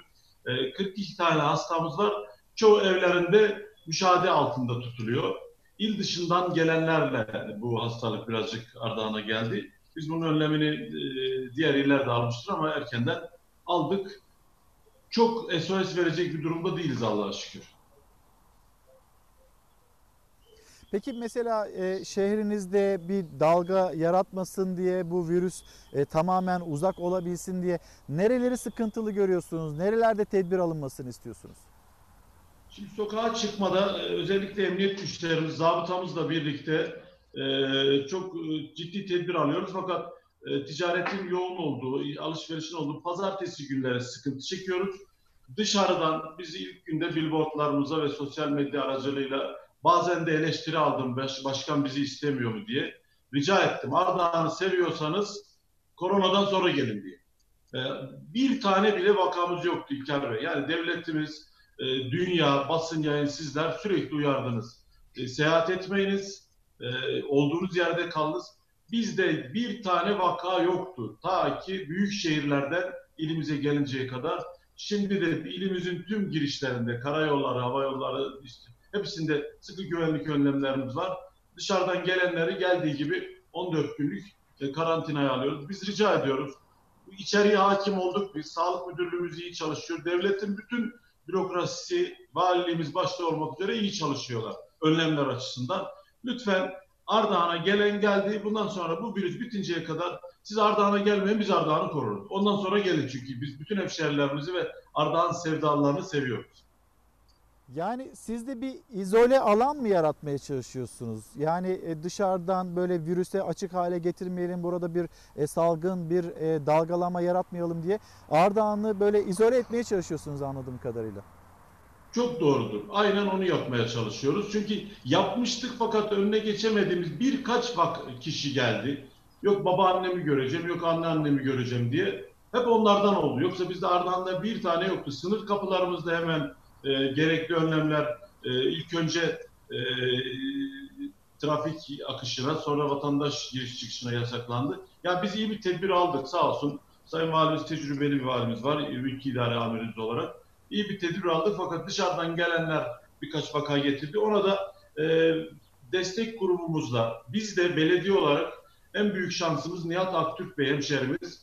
E, bizim belediyeyi aldıktan sonra e, benim gayretlerimi görüp ben de Ardahanlıyım, ben de Ardahan'a bir şey yapmak istiyorum dedi. 10 tane dikiş makinesi bize hediye etti önce. Sonra baktı ki biz arkasında duruyoruz. Kendisi başında durarak bunu 30'a çıkardı.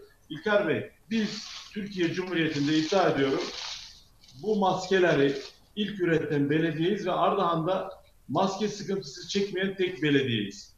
Çünkü Ardahan'ın kent nüfusu, kent içi nüfusu 22 güzel. bin. Biz şu anda bu maskelerden e, 105 bin tane üretmişiz. 105 bin adet. İsteyene veriyoruz. Dikiş atölyemizi hemen, kadınlarımıza çok teşekkür ediyorum. Dikiş atölyemizi hemen Üçüncü gününde korona çıktı, maske lazım dendi. Biz üçüncü gününde kadınlarımızı geri çağırdık. 22 bin nüfuslu kentte 105 bin adet maske ürettik. Herkese dağıtıyoruz. Komşu illere de dağıtıyoruz. Bazen isteyenler oluyor. Şimdi 7500 bin günlük üretim kapasitemiz. Ee, Nihat Bey geldi bu bağışçı hemşerimiz. Çok sağ olsun. Allah bin defa razı olsun. Ee, geldi kendisi başında durdu. Zor yollardan, trafikten, karayolundan geldi. Şu anda biz günlük 15 bin tane maske üretiyoruz.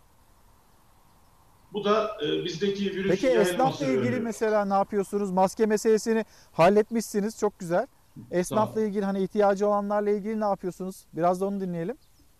Esnafımızla ilgili e, devletimizin vermiş olduğu her ile şimdi devlet bir yerde ayrımcılık yapmaz. Her ile ne vermişse onları e, bankalarımız, ticaret odamız ve e, esnaf odamızla birlikte yine e, valiliğimizin bürokratik önderliğinde esnafımıza destek veriyoruz. Ama biz asıl bundan sonra yaraları sarmak için çok büyük birlik beraberlik içerisinde olacağız.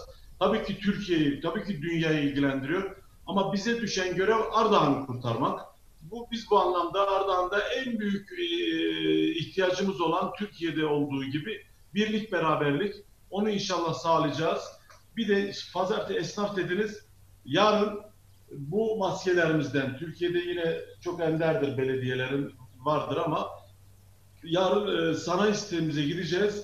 Bu esnafımızla bu maskelerimizi paylaşacağız. Bunları özellikle biz sağlık ordumuza yaptırdık. İlk dağıttığımız yer devlet hastanemizdir. Vatandaşla karşı karşıya olan Ardahan Belediyesi olarak düşündük. Hastane, postane, bankalar, zorunlu açık bulunması gereken vatandaşla ikili ilişkisi mecburi olan tüm kurumlara bu maskelerimizden dağıttık. Yarın da e, ikinci partimizi yine e, küçük sanayi sitemizden başlayarak dağıtacağız. Eğer müsaade ederseniz bu bir sosyolojik olay da olmaya başladı İlker Bey. Siz de daha iyi farkındasınız. Çocuklar evde kaldı, dedeleri evde kaldı, Buyurun, bebeğinler evde kaldı. Dolayısıyla yaşanmamış, belki son 50 yılda, 100 yılda yaşanmamış bir birlikte yaşama durumu hasıl oldu. Öyle olunca da bazı sosyolojik, travmatik olaylar da meydana gelmeye başladı. Biz evde kalan çocuklarımız zamanlarını farklı geçirsinler diye belediye olarak e, satranç takımı yaptırdık. Evde olan çocuklara satranç takımlarını dağıttık. Şimdi herkes satranç da öğrenmeye başladı. Çünkü o da bir ekmek gibi, su gibi bir şey. Kavga, birbirleriyle tartışma. Sonra eğitimde biliyorsunuz uzaktan eğitim başladı. Buna da tekrar yardımcı olabilmek için bakın 5. sınıflara e, eğitim seti, 4. sınıflara eğitim seti. Yani evde kalan çocuk sıkılmasın, aileye sarmasın diye e, hem eğlendiriyor hem de e, ders yapabildiği e, yeni gelişmiş olan eğitim seti her yaştaki çocuğa. Evlerine kadar herkesin dağıttık. E, bundan sonra Tam da haftada bir- 23 Nisan haftasındayız aslında Faruk Bey. Tabii. Ee, Evet. Yani 23 Nisan Ulusal Egemenlik ve Çocuk Bayramı. Tabii. Hem çocuklarımız Evet. sıkılmasın diye elinizden geleni yapıyorsunuz. Sizler de evlere ulaşıyorsunuz, çocuklara ulaşıyorsunuz. Biz de Ankara'da yayınımızı e, e, Milli Egemenlik Parkı'ndan gerçekleştiriyoruz. Mil, e, Türkiye Büyük Millet Meclisi'nin hemen yan tarafındayız. E, Türkiye Büyük Millet Meclisimizin 100. yılını kutluyoruz. E, hatırlayacaksınız siz de kuşkusuz öyle davrandığınız saatler 21'i gösterdiğinde 23 Nisan gecesi bütün Türkiye e, İstiklal Marşı'nı okudu. Aynen. Ama sonra İstiklal Marşı'ndan sonra mesela e, bizim balkonda 10. yıl marşı da çaldı. Sarı saçlı mavi gözlüm de çaldı. Faruk Demir'in sesinden balkonlardan sarı saçlı mavi gözlüm e, şarkısı da yükseldi. Müsaadenizle Çalar Saat hafta sonunun hani böyle tekrar reklama gitmeden bu süre zarfında sizden dinleyebilir miyiz bir sarı saçlı mavi gözlümü? Tabii bağlamam gelinceye kadar sizlerden, sizlerin aracınızla bizi Türkiye'de ve dünyada izleyen Ardahan hemşerilerimize bir notum olacak. Biz e, korona sonrasında kalkınmayı öncelemeliyiz. Ardahan'ın katma değer yaratan ürünlerini pazara sunmalıyız. Bir e, değerli hemşerimiz bize şimdi e, bu 30 kişilik e, dikiş atölyemizi 300 kişiye çıkartacak altyapıyı kuruyor. İsmini şimdi açıklamayacağım. Posof ilçemize yaptı. Allah razı olsun. Değerli siyasetçi, devlet adamı, atanmış, seçilmiş, kanaat önderi tüm Ardahanlı hemşerilere seslendiriyor, sesleniyor. Bakın bir tane Ardahan'ımız var. 31 Mart akşamı seçim bitmiştir. Ben Faruk Demir olarak diyorum ki 31 Mart'tan itibaren benim siyasi partim Ardahan'dır. Hepimizin öyle olması lazım. Ardahan tünellerine kavuşmadıktan sonra kımıldayamaz. Karadeniz'e açılması için Sahara Tüneli, Gürcistan'a açılması için Pozov Tü- Tüneli ve de e, Aşık Şenlik Tüneli. Ardahan demir yolunu bir an önce beklemektedir. Çünkü bu arada bağlamayı getirebiliyorlar değil mi Sayın Başkan? getirdiler getirdiler. Arabadaydı ben böyle bir sürpriz olacağı için Ardahan hadi. demir yolunu buraya Hadi getireceğiz. alalım o zaman. Süremiz Hadi az bakalım. çünkü. Hadi Hangi- bekliyoruz. Sarı saçlım değil mi? Evet. Sizlerden ricam e, Evet. Ardahan'ın bütün hemşehrilerimizi e, bu konuda uyarmamız. Evet, kurucumuz ve kurtarıcımız Mustafa Kemal Atatürk'e yazılmış olan Sarı Saçlım Mavi Gözlümü bütün Fox izleyicilerine söylüyorum. Sana hasret, sana vurgun gönlümüz. Neredesin mavi gözlüm, nerede? Bu gemi bu Karadeniz, sarı saçlım mavi gözlüm. Nerede, nerede, neredesin dost? Bu gemi bu Karadeniz, sarı saçlım mavi gözlüm. Sarı saçlım mavi gözlüm. Nerede, nerede, neredesin dost? Bu gemi bu Karadeniz, sarı saçlım mavi gözlüm. Sarı saçlım mavi gözlüm nerede nerede neredesin dost?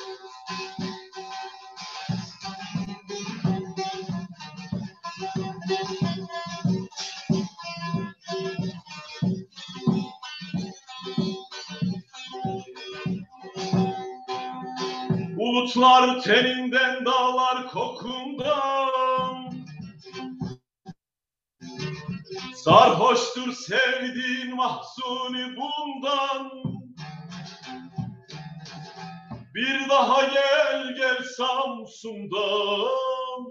Sarı saçlım mavi gözlüm Nerede, nerede, neredesin dost daha gel gel Samsun'dan. Sarı saçlım mavi gözlüm. Sarı saçlım mavi gözlüm. Nerede, nerede, neredesin dost? Bir daha gel gel Samsun'dan. Sarı saçlım mavi gözlüm. Sarı saçlım mavi gözlüm. Nerede, nerede? Buradasın dost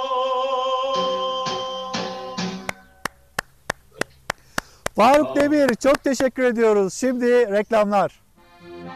Efendim bir kez daha günaydın. Buz gibi bir sabaha uyandık. Şu saat itibariyle ise Ankara'da havanın güzel olduğunu, üzerimizdeki montumuzu çıkarttığımızı sizler de görüyorsunuz. Kapatacağız. Kapatırken kitaplarımız var. Bu arada e, konuğumuz vardı. Az önce kendisini ağırlamıştık. Bakir Remzi Suişmez. Bize bıraktığı kitaplar e, Ziraat Türkiye Ziraat Mühendislerinin Teknik Kongresi'nden bildiriler kitapları iki cilt halinde. Bu arada iki nefes arası Mehmet Çayoğlu, Hatice Top, Herkesi Unut, Kendini Unutma. Yine bizimle paylaştığı bir kitaptı. Bu bir mucize ve bir gün büyük rejisör sahneyi değiştirirse Haluk Ziya Türkmen'in yazdığı, bizimle paylaştığı kitap Kaygı Psikolojisini Yönetmek Kunter Kunt ve Cevher Sönmez yandı, yazdı. Şimdi tabii bugünlerde bu süreçte bilmiyorum dikkatle belki de okunması gereken bir kitap. Hızlıca da çıkmış tüm endişelere, korkulara ve koronaya karşı demekte kitap ve Hayati Sır Kıyamet öncesi alem bilgisi. Kapatırken efendim her zamanki gibi teşekkürümüz sizlere. Bizi izlediğiniz için teşekkür ederiz. Bir manikeler olmazsa haftaya yine bizler karşınızda olacağız. Önümüzdeki hafta sonu buluşmak üzere. Güzel bir gün olsun. Hoşçakalın.